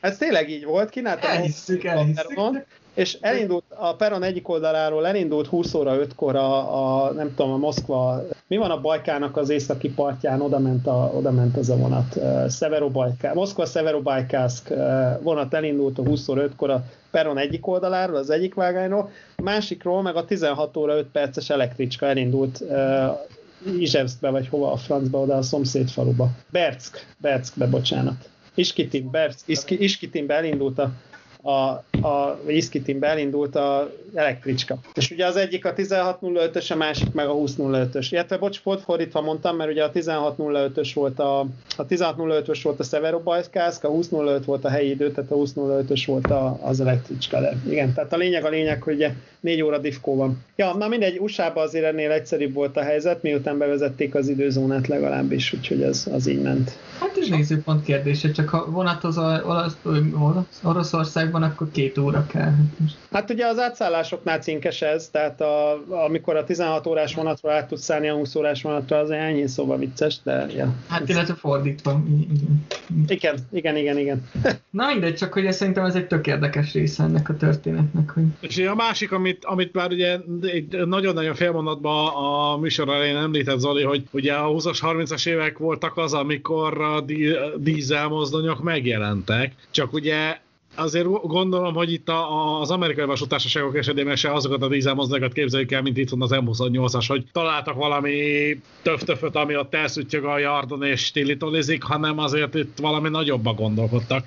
Tehát nyilván gondolom a fővonali járműveket akarták első körbe kiváltani. Most következnek a Noha perceink? A Noha azért az egy hosszabb történet. Az egy még... hosszabb és elágazásos történet, de Marci, tehát hogyha már így felvetetted, Noha, akkor Noha szerintem a hallgatóknak megígér, megígérhetjük, hogy hogy lesznek nohab percek majd a közvetlen kocsiban valamikor a közeljövőben.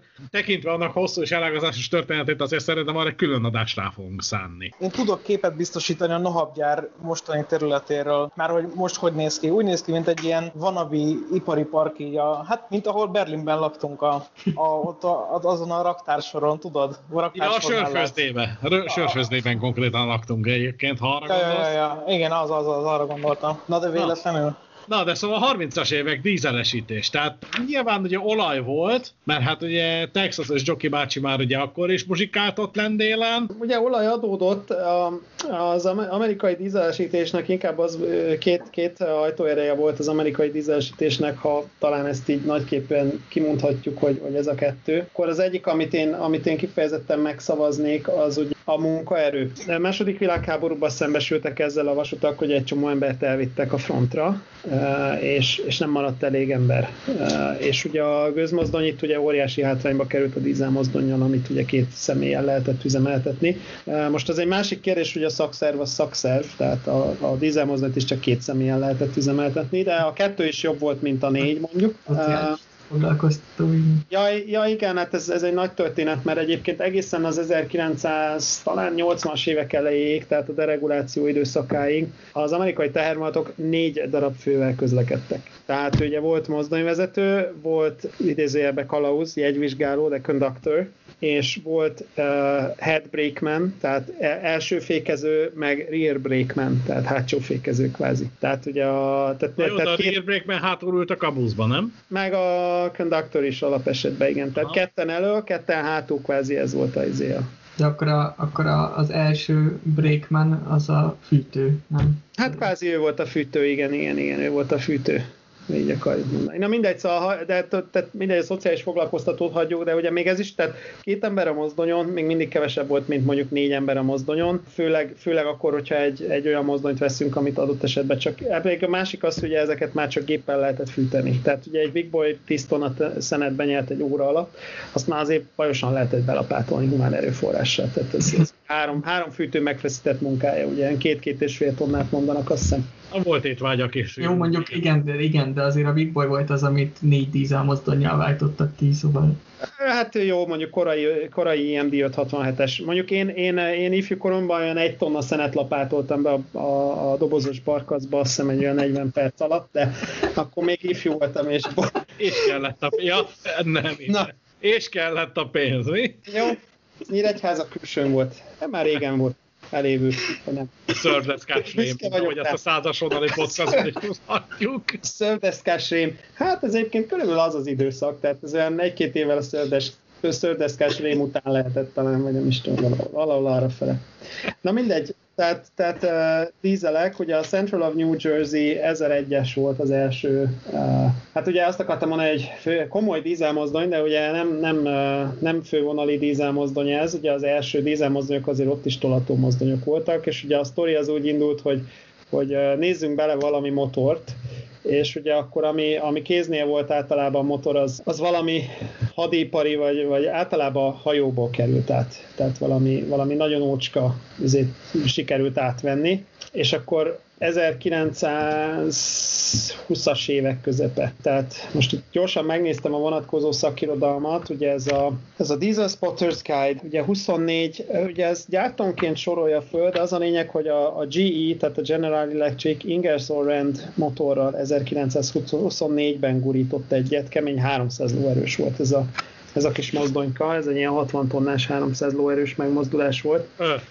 1924-ben. Még, még ha megnézzük itt a képet, mutatom a hallgatóknak, egy ló, egy lovas áll konkrétan a mozdony mellett, tehát egy, egy hát csávó ló. nem egy szépségdíjas járműről beszélünk, tehát Hát ez egy doboz, ez egy doboz, tehát eh, konkrétan, jó, hát az amerikai boxcab, eh, klasszikus boxcab dízelmozdonyok, az gyakorlatilag vettek egy boxcart, tehát ugye egy, ez a gaks kocsi, vettek egy ilyen ge- gaks kocsit kvázi, és beledobták a dízelmotort, tehát itt, itt i- ipari design, ugye ez izgalmas, az ipari design az amerikai dízelmozdonyoknál, ugye pont a, a Nohab, most, most akkor Nohab fanok örülhetnek, tehát ugye a pont amikor a Nohab ősei megjelentek, a General Motors CMD E- E-Series, tehát az E, E megjelent, az EA, ugye a 30-as évek második felében, akkor kezdődött tulajdonképpen ez az ipari forma tervezése a dízelmozdonyoknak. Előtte azért ez a boxcab volt, tehát a gaks kocsiba belerakjuk a oldalára hűtőt vágunk, és belerakjuk a dízelmotort. Tehát azért azzal a korszakkal nagyjából véget is ért, mert a maiakat sem tervezik már nagyon iparilag. Ja, hát igen, de ugye ez, ez, ez ugye megint csak Amerika, tehát itt ugye a mozdony azért reklámhordozó, ezért sikítok mindig, amikor mondják, hogy nem a festék húzza a vonatot. Idézőjelben normális uh, körülmények között a festék húzza a vonatot, mert ugye a mozdonyt látja először az utas, már kivéve ha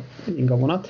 Uh, tehát ugye a mozdonynak valahogy illik kinézni, és ugye Amerikában ezt annyira tudták, hogy a 30-as években a legjobb formatervezőket szerződtették le. Uh, Otto Kuller volt például a, a, az AKPA mögött a formatervező. Hirtelen akartam mondani az IMD formatervezőjét. Uh, Leland Knickerbocker volt az IMD formatervezője, tehát ők, ők indították el ezt a, hát kvázi amit mi Nohab designként ismerünk, ugye ezt a kicsit dizel mozdonyorot.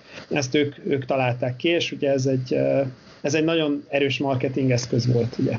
Na, tehát ugye 20, 24-ben járunk az Alco General Electric uh, Ingersoll Rand Boxcab uh, mozdonyoknál, ugye az Alco és az Elco és, és ugye 24 környékén szállt be a buliba, a Baldwin, szintén Baldwin Locomotive Works, ami szintén egy, egy nagy közmozdonygyártó volt, ő egy, uh, ő egy uh, Knudsen dízelmotorral, illetve egy hajózásból átvett Delaverne dízelmotorral próbálkozott, így szintén 1925, tehát ugye ők ők voltak ugye az elsők, 1925 környéke. És ugye az első, az első komolyabb robbantás eh, az ugye tolató mozdonyvonalon, ugye az Alco, eh, az Alco S1 környéke volt, ami, ami először nagyot gurított. Ez már ugye a 30-as évek közepe.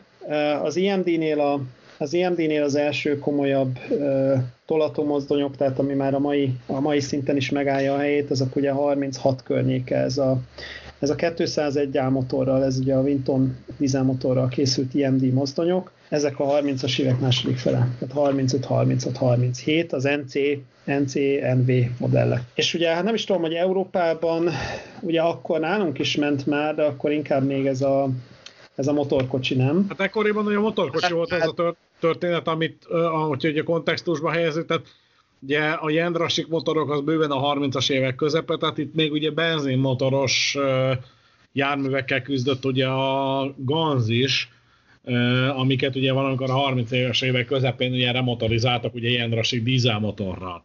Uh, ugye németeknél is igazából dízelmozdony, tehát a mai fogalmaink szerinti dízelmozdony, ugye egyrészt ugye a Wehrmachtnak a 36-os mozdonyai, másrészt pedig szintén ugye Wehrmacht szállításra készült ugye ágyúmozgatásra, ugye két későbbi pályás sorozat számán VAU 180-as.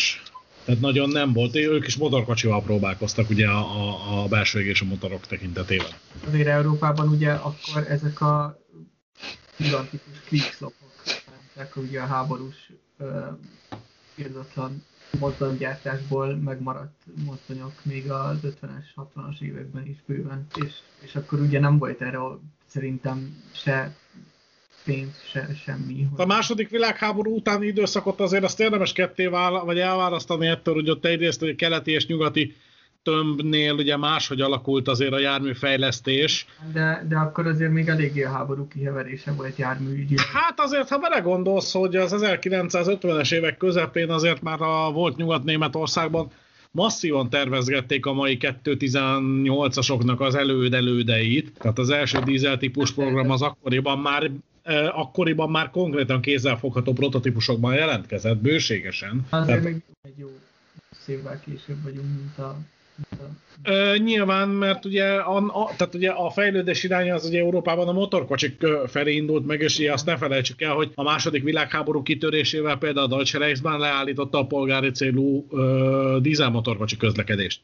Tehát fejlődés nem volt, ugye többek között azért sem, mert nem volt mit beletölteni a járműbe, amivel üzemeljen egy idő után. Igen, igen, tehát csak arra akartam ezt egy kicsit kifuttatni, hogy Amerikában ugye volt erre, tehát hogy nem, nem, nem volt a, háborúnak úgymond akkora hatása erre a, a, a dologra, vagy ha volt, akkor pont, hogy a dízel mozdony felé, ahogy ezt az Oli is mondta az előbb. Hát a racionalizálás igen. mindenképpen. Igen, igen, tehát őket, őket idézőjelben sokkal jobb időpontban találta el ugye a háborús forgalmi igény, tehát Európát még ugye a gőzös korszaknak, inkább azért a gőzös korszaknak a végén találta el, tehát amikor jött a háború miatti forgalomfelfutás, vagy a háború miatti fokozott igény, akkor még ugye nem nagyon volt ö, hova nyúlni dízelmozdony ügyileg, dízelmotorkocsival ugye terminatot nem lehet húzni, tehát azért a háborús forgalomhoz ugye gőzmozdonyhoz lehetett nyúlni. Hát valószínűleg nem véletlen az, hogy megjelentek ugye a, a Trumanként ismert gőzmozdonyok, ugye az S-160-as típusú amerikai hadigőzösök is. Ugye, na, na, most egyébként ez egy marha, marha izgalmas történet, és egyébként ez is mutatja, hogy néha az embernek nem mindegy, vagy hogy mondjam, tehát fontos az, hogy a vörös vonalnak melyik oldalára esel, mondjuk nyilván ezt, ezt mit tudjuk a legjobban magyarként, de hogy hogy az sem mindegy, hogy, az sem mindegy, hogy vasárban milyen mozdony kapsz az amerikaiaktól a háború végén. Uh, tehát ugye az amerikaiak ugye a Truman-t elsózták nekünk ide uh, az európai hadszintére, mert ugye egy gőzössel volt inkább üzemeltetési tapasztalat, úgyhogy ide inkább tolták a gőzöst. Viszont a transziráni vasútra. A transziráni vasútra Alkó RS egyeseket szállítottak, mert ugye ott nem volt, nem volt víz. Úgyhogy a szerencsésebbje, azaz az oroszoknak... Kőolaj viszont volt. Kőolaj viszont azért az adódott. Úgyhogy a szerencsésebbje, tehát ezek a orosz, meg, meg minden Irán, meg ilyen belső ázsiai izék, ők ugye a háború után egy csomó Alkó RS egyessel találták szembe magukat vasárban, míg ugye mi, mi Trumanokat kaptunk, úgyhogy ja. Hát de szerintem ez pont, igen, tehát ugye szerintem pont az, am, am, amit én is próbáltam mondani az előbb, hogy, hogy, hogy Európában egyszerűen a gőzmozdony volt a technológia, mert annak volt, ugye, igen, tehát abba tudtál, még szerint még csak-csak volt. Hát meg üzemeltetési, hogy mondjam, hozzáértés, tehát nyilván, hogyha most ugye 44-45 környékén, ugye, hogyha az amerikai hadsereg át akart saját használatra dobni mozdonyokat, és ugye nyilván a helyi személyzetre is számítaniuk kellett, akkor ugye Hát mit tudtak volna átdobni? Azért 44 környékén már alkó ereseket tudtak volna átdobni, de hát azért ahhoz üzemeltetés mondjuk Magyarországon, tehát az, az, azt azért felejtsük el szerintem. Illetve igen, a másik pedig az, az hogy ebben az időben már azért a Európa, ha, ha valahova fejlődött a gőzmozdony után, az a villanyvontatás volt. Hát meg ez a másik. Vonalon és mozdonyos üzemben. Tehát. Na most itt az alsót kell nézni, ugye a hallgatóknak mondom megint, hogy mit látunk, akkor RS1-es látunk, és azt írják, hogy the diesel that saved Russia, tehát ugye a dízel, ami megmentette Oroszországot, egyébként szó szerint, mert ugye két irányból tudták vinni az utánpótlást, ugye fentről Arhangelsk, meg, meg uh, mi az a másik északi uh, kikötő, hirtelen akartam mondani. Uh, Arhangelsk, meg, meg, meg, meg, meg Murmansk, ugye onnan fentről tudták vinni az árut, meg ugye lentről Iránon keresztül, csak ugye ott meg nem volt víz, de vasút azért adódott, úgyhogy transziráni vasút itt van. És ugye annyi volt a trükk, hogyha megnézitek, a, megint csak a hallgatóknak mondom, mit látunk, találtunk. Ugye a klasszikus amerikai AQRS 1-es alatt van né, négy darab tengely, ugye két, két, két tengelyes forgóváz, viszont a a transziráni alatt meg van két darab három tengelyes forgóváz. Tehát ugye És a gyenge... a szolgálati tömegre? Hű, te most megfogtál, hogy mekkora egy eres egyes. Nem hiszem, hogy olyan sár nehéz lenne, de egy pillanat és megnézem neked. Nem, nem, nem, nem tűnik ez egy olyan... Jó, na, a, tehát az, az amerikai dízelmozdonyok azért nem teljes. Jó, hát Közben megtaláltam, tehát szolgálati tömege 112,3 tonna. Hát azért az alá Európában már elkél a hat tengely, Amerikában simán elketyeg négy tengelye. Tehát ott ugye 30, hogy is van, 33 tonna környékén van a Hát 30 biztos. 30 fölött van valamivel a tonna. 200, 268 ezer font, azt hiszem a, a fővonali uh, négy tengelyes teherkocsinak a, az általános limitje. Az valami emberi mértékegységben kifejezve? 140 vidéke, 130, 130 valahány tonna talán. 135 vidéke, uh, azt kellene. 134 tonna, igen, azt így Google megkérte, hogy számítsa át. 134 tonna, és ugye azt osztod el négyre. Igen. Rövid tonna vagy hosszú tonna? Metrikus tonna. Metrikus ton, igen, köszönjük. Uh, igen, meg ugye fontból is van uh, többféle, de igen, tehát, uh, 100, tehát olyan 30 valahány tonna, nem 34 vidéke? Valami ilyesmi. Na mindegy, az a fővonali tengelyterhelés. Na, tehát a lényeg az, hogy Alko rs tehát nem mindegy, hogy melyik végén állsz a fegyvernek, de ugye az Alko S sorozat az ugye a 40-es évek legeleje 39-40 környéke, ugye ekkoriban már a, a GMEMD csinálja az MB sorozatot, és ezek már darabszámban készülnek, tehát ezek már nem kis szériás bulik. Ugye Alco RS1-ből készült az USA-ba 607 darab, plusz, plusz erre még jönnek ugye a különféle ilyen háborús, meg export, meg ez az amaz változatok. Az Alco S1, S2-ből, ha jól emlékszem, abból elég komoly darabszám volt. Alco S2-ből 1940 és 50 között, tehát azért figyeljük, itt nálunk még bőven gőzmozdonyozás ment, akkor csak az USA-ba gyártottak 1600 655-öt az S, S2-ből, meg még 640-et az S4-ből, ja, mondjuk az már utána volt, de az S1-ből ugyanezzen időszak alatt gyártottak 700-at, tehát csak az alkó letett olyan 2300 könnyű mozdonyt a, sínre, és akkor nyilván az IMD biztos, hogy még ugyanennyit, vagy, vagy még többet letett. Tehát ott, ott azért már komoly dízelesítés volt. A, amikor nálunk indult a, igazán a fővonali dízelesítés, vagy akár a, tola, akár a tolatószolgálat dízelesítés, ugye a M44, ugye az is 50-es évek közepe, nem? Akkoriban, akkor ott már lent volt a pályán gyakorlatilag ilyen két-három ezres darabszámú vonali dízelmozdony.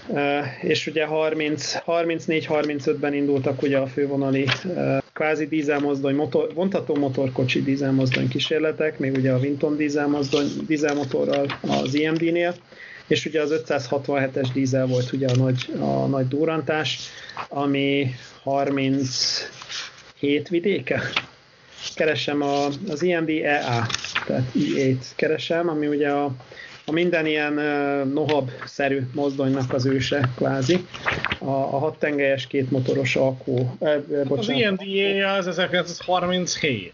Az EA az 1937, így van. Így van. Ugye a 37 az EA, és akkor onnan indul az E-széria, és tehát a hat, a hat tengelyes két motoros széria, és ugye az az 567-es, 567 köpkülvelykes IMD dízelmotornak ugye az a, az a kezdete 37, és ugye hozzánk mikor jött a NOAP 63, és ugye akkor ott már a 645 köp hüvelykes ment. Tegyük hozzá mindig azt azért a halk lábjegyzetet, hogy a Magyarországra érkező NOAP az ugye gyakorlatilag a gyártás vége volt már. Tehát... Így van, így van, így van, így van.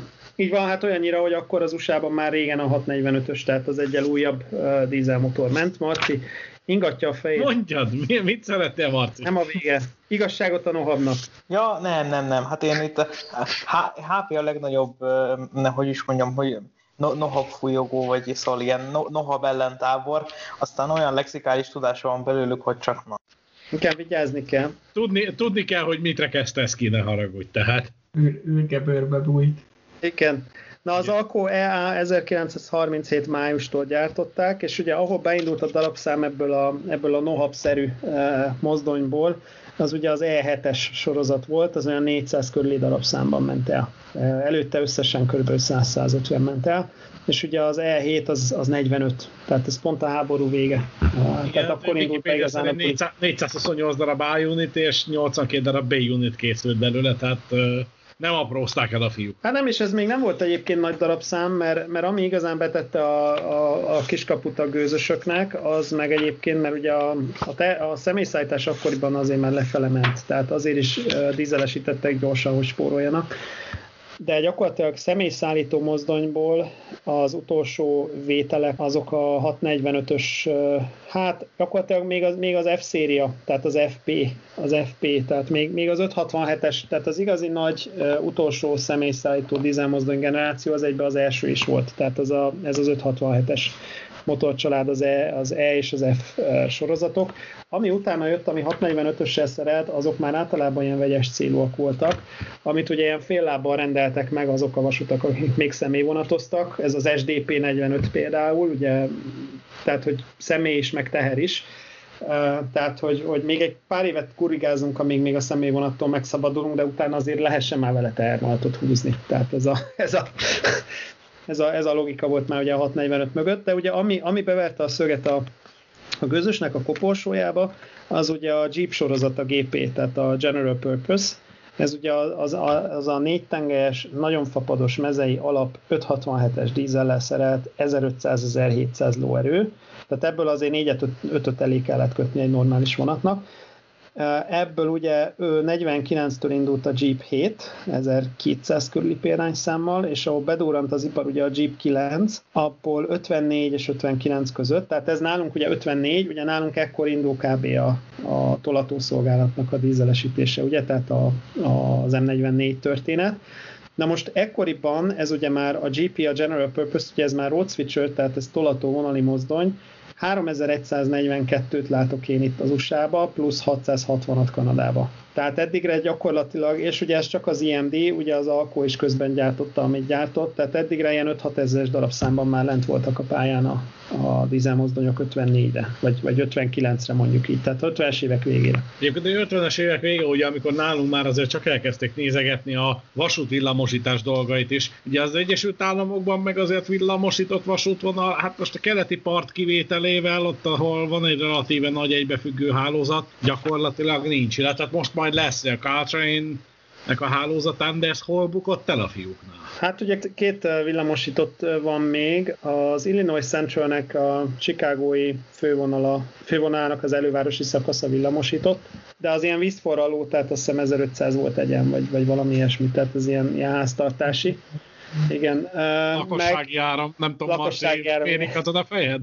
Nem, hát 1500 volt az, az Csehországban is csak egy 20 kilométeren van, de Hollandiában állítólag ott, ott kiterjedtebb ez a, ez a, nem is tudom, hát gyakorlatilag rá van kötve nagyon sok ilyen pikotrafó, és akkor hajrá, szóval. Igen, igen, ez a villa, kicsit, kicsit megemeltük a villamos vonalfest, és akkor legyen vonat, igen. Nem, egyébként ezen kívül, tehát Chicagótól nyugatra egyetlen egy villamosított személyszállító szakasz van, ugye Denverbe, amit pont amikor kim voltam, akkor adták át egy pár éve, de ott az azt hiszem 25 kg volt 50-es, tehát az, az rendes áram. Ezen kívül csak a K-train, tehát gyakorlatilag nincs. Ilyen elszigetelt dolgok voltak, ugye ez a Black Mesa légpálya vonal, ami ugye a könyvekben benne szokott lenni, mert ugye ez 50 ezer voltos, tehát ez egy ilyen elég kuriózum történet. Ilyenek voltak. Érdekes, ezen... és ott a, a, a keleti part az 25 ezer volt 50 Hz, ugye? Hát, kivéve, uh, ahol nem. Kivéve, ahol nem, ott, ott három vagy négyféle van, ez egy ilyen nagyon patchwork, ja, ja, ja, az, az egy, nem menjünk bele, az egy retteltes patchwork történet, és tudja, hogy bele fog bukni, mert uh, HP közben googlizza már meg, mert 11, 11 kiló volt, 11 kg volt, 16 és fél hertz, meg... Na, az, az jó, hát ezt ismerem, olyan van itt is. Na, igen.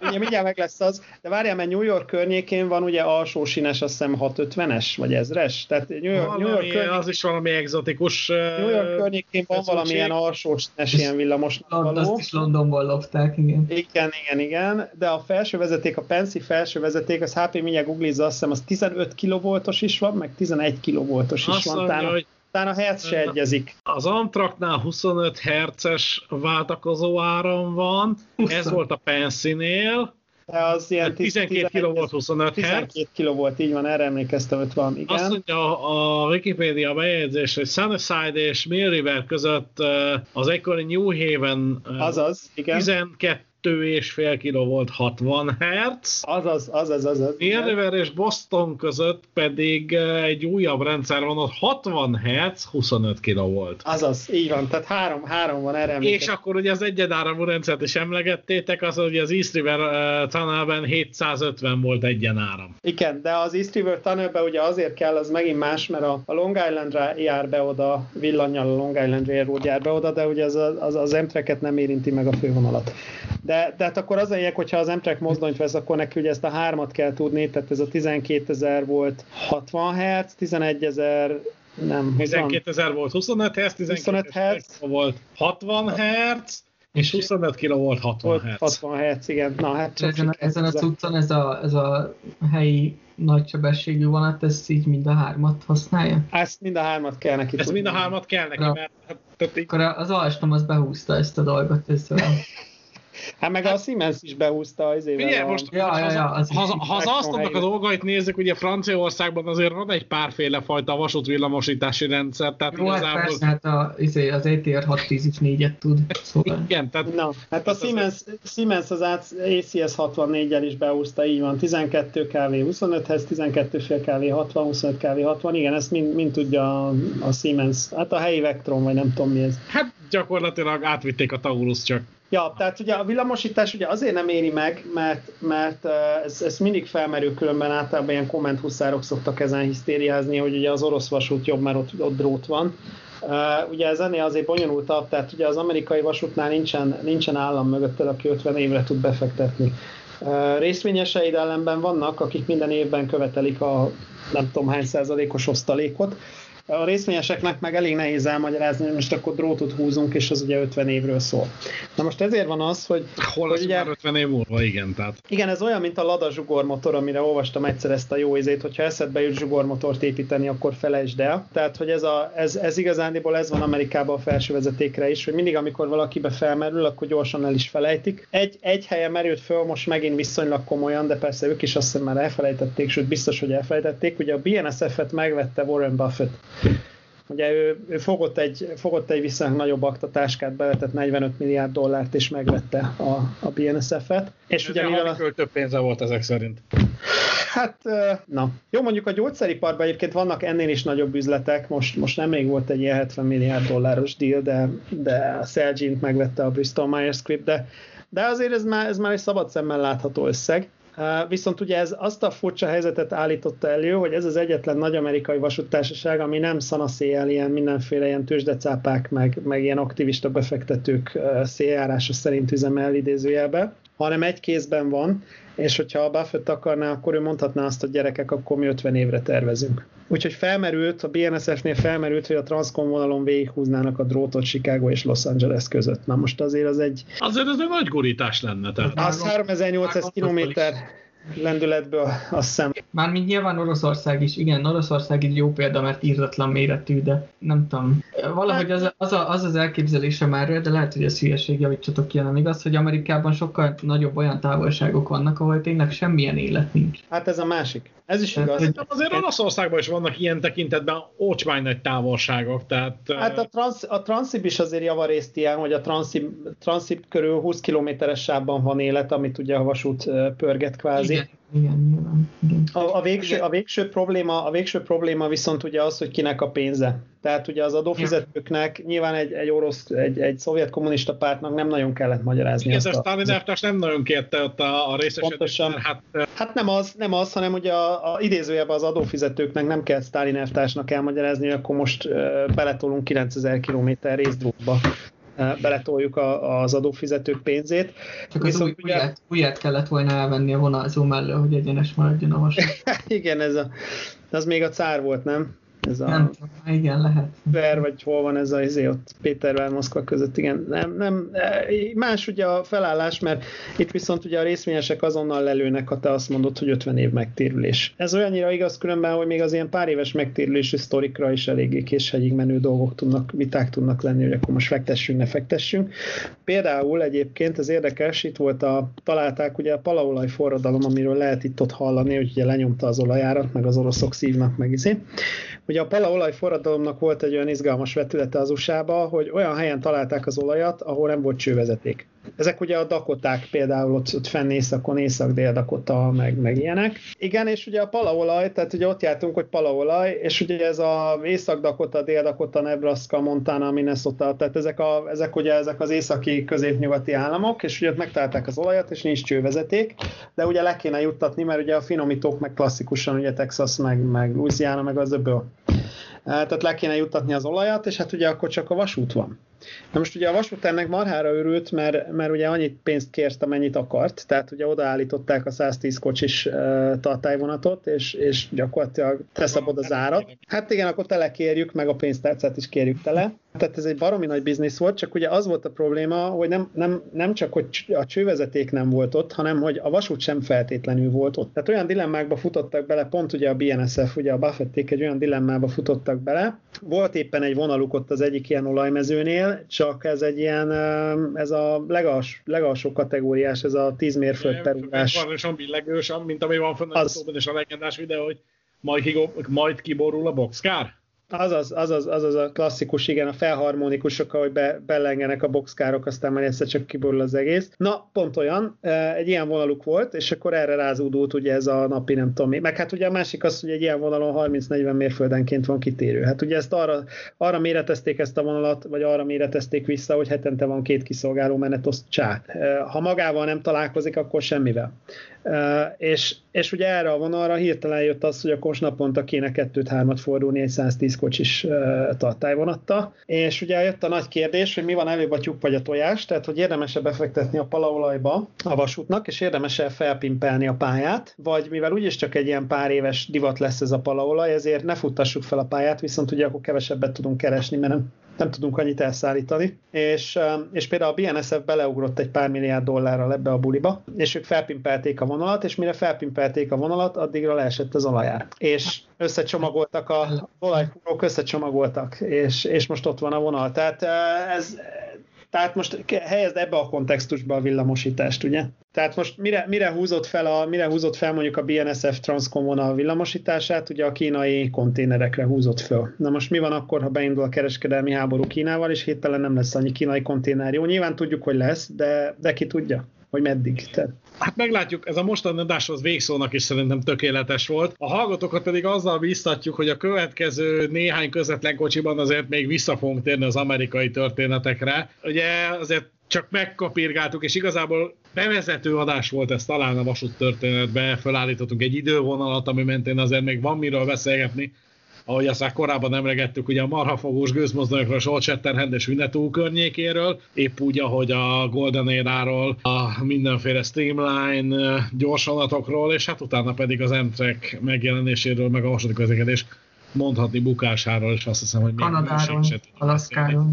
Kanada, Kanada és Alaska pedig egy külön történet, azt hiszem. Hát igen, szerintem, szerintem egy elég jó ív volt igazániból, eljutottunk az átmeneti korszakig, ugye a dízelek megjelenése háború környéke, és, és ugye azért a streamlinerekről még nagyon nem beszéltünk, a, a streamlined dízelmotorvonatokról, amik ugye azért Európával elég áthallásosak, ugye a repülő Hamburgitól kezdve az Árpádon hát keresztül. Erre, erre, erre azt hiszem, hogy még Kem. mindenképpen vissza fogunk térni, tehát van, van még ebben bőségesen mit át és megbeszélni. Most Marci triggerelem a Hargita, meg a Helikon motorvonatok.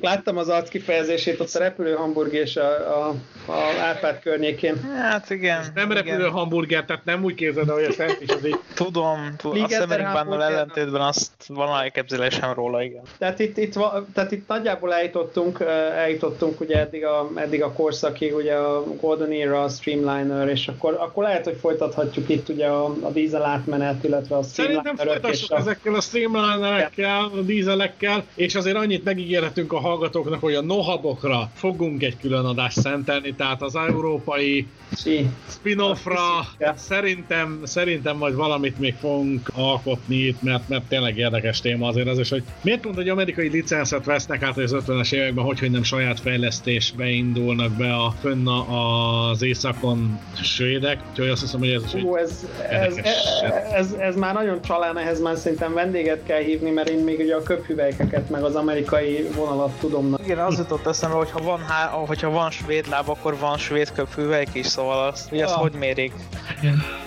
Jaj, Marci. Ezt nem lehet tudni, de hát ez nem Három tudni. ASEA van. Hát, Jó. 600, 645 svéd köpfűvel, igen. 145-ös a olvas csak 567-es. igen. Köszönjük a hallgatók figyelmét, ez volt amerikai vasúti sorozatunknak azt hiszem, hogy bekezdő darabja. Fogunk még amerikai vasúti történetekkel jelentkezni itt a közvetlen kocsiban. Köszönöm szépen a figyelmet mindenkinek, beszélgető társaim voltak a mai adásban. Berki Dénes. Magyar is Zoltán. Mellár Marcel. Köszönöm a hallgatók figyelmét, a szerkesztő Halász Péter volt. Kérdéseket, véleményeket várjuk továbbra is a regionálban Facebook oldalán, műsoraink visszahallgathatók a közvetlenkocsi.hu weboldalon, a regionálban aloldalán. A feliratkozás szabaddá tesz. És nincs Instán. Itt volt még Tessenek bennünket követni, ha már az Zolinak nincs instája továbbra sem, akkor legalább bennünket viszont lehet látni, hallgatni és nézni Instagramon, Facebookon és természetesen a regionálbán.hu is. Hamarosan jelentkezik- kommentálni, feliratkozni. lájkoljatok, kommenteljetek valahol itt, itt vagy, vagy itt, iratkozzatok fel, Mutatom, hallgassátok mutatom. vissza a régebbi adásokat, mutatjuk igen a hallgatóknak, hogy melyik sarokból kattintsanak. Köszönjük szépen a figyelmet mindenkinek, viszont hallásra, sziasztok!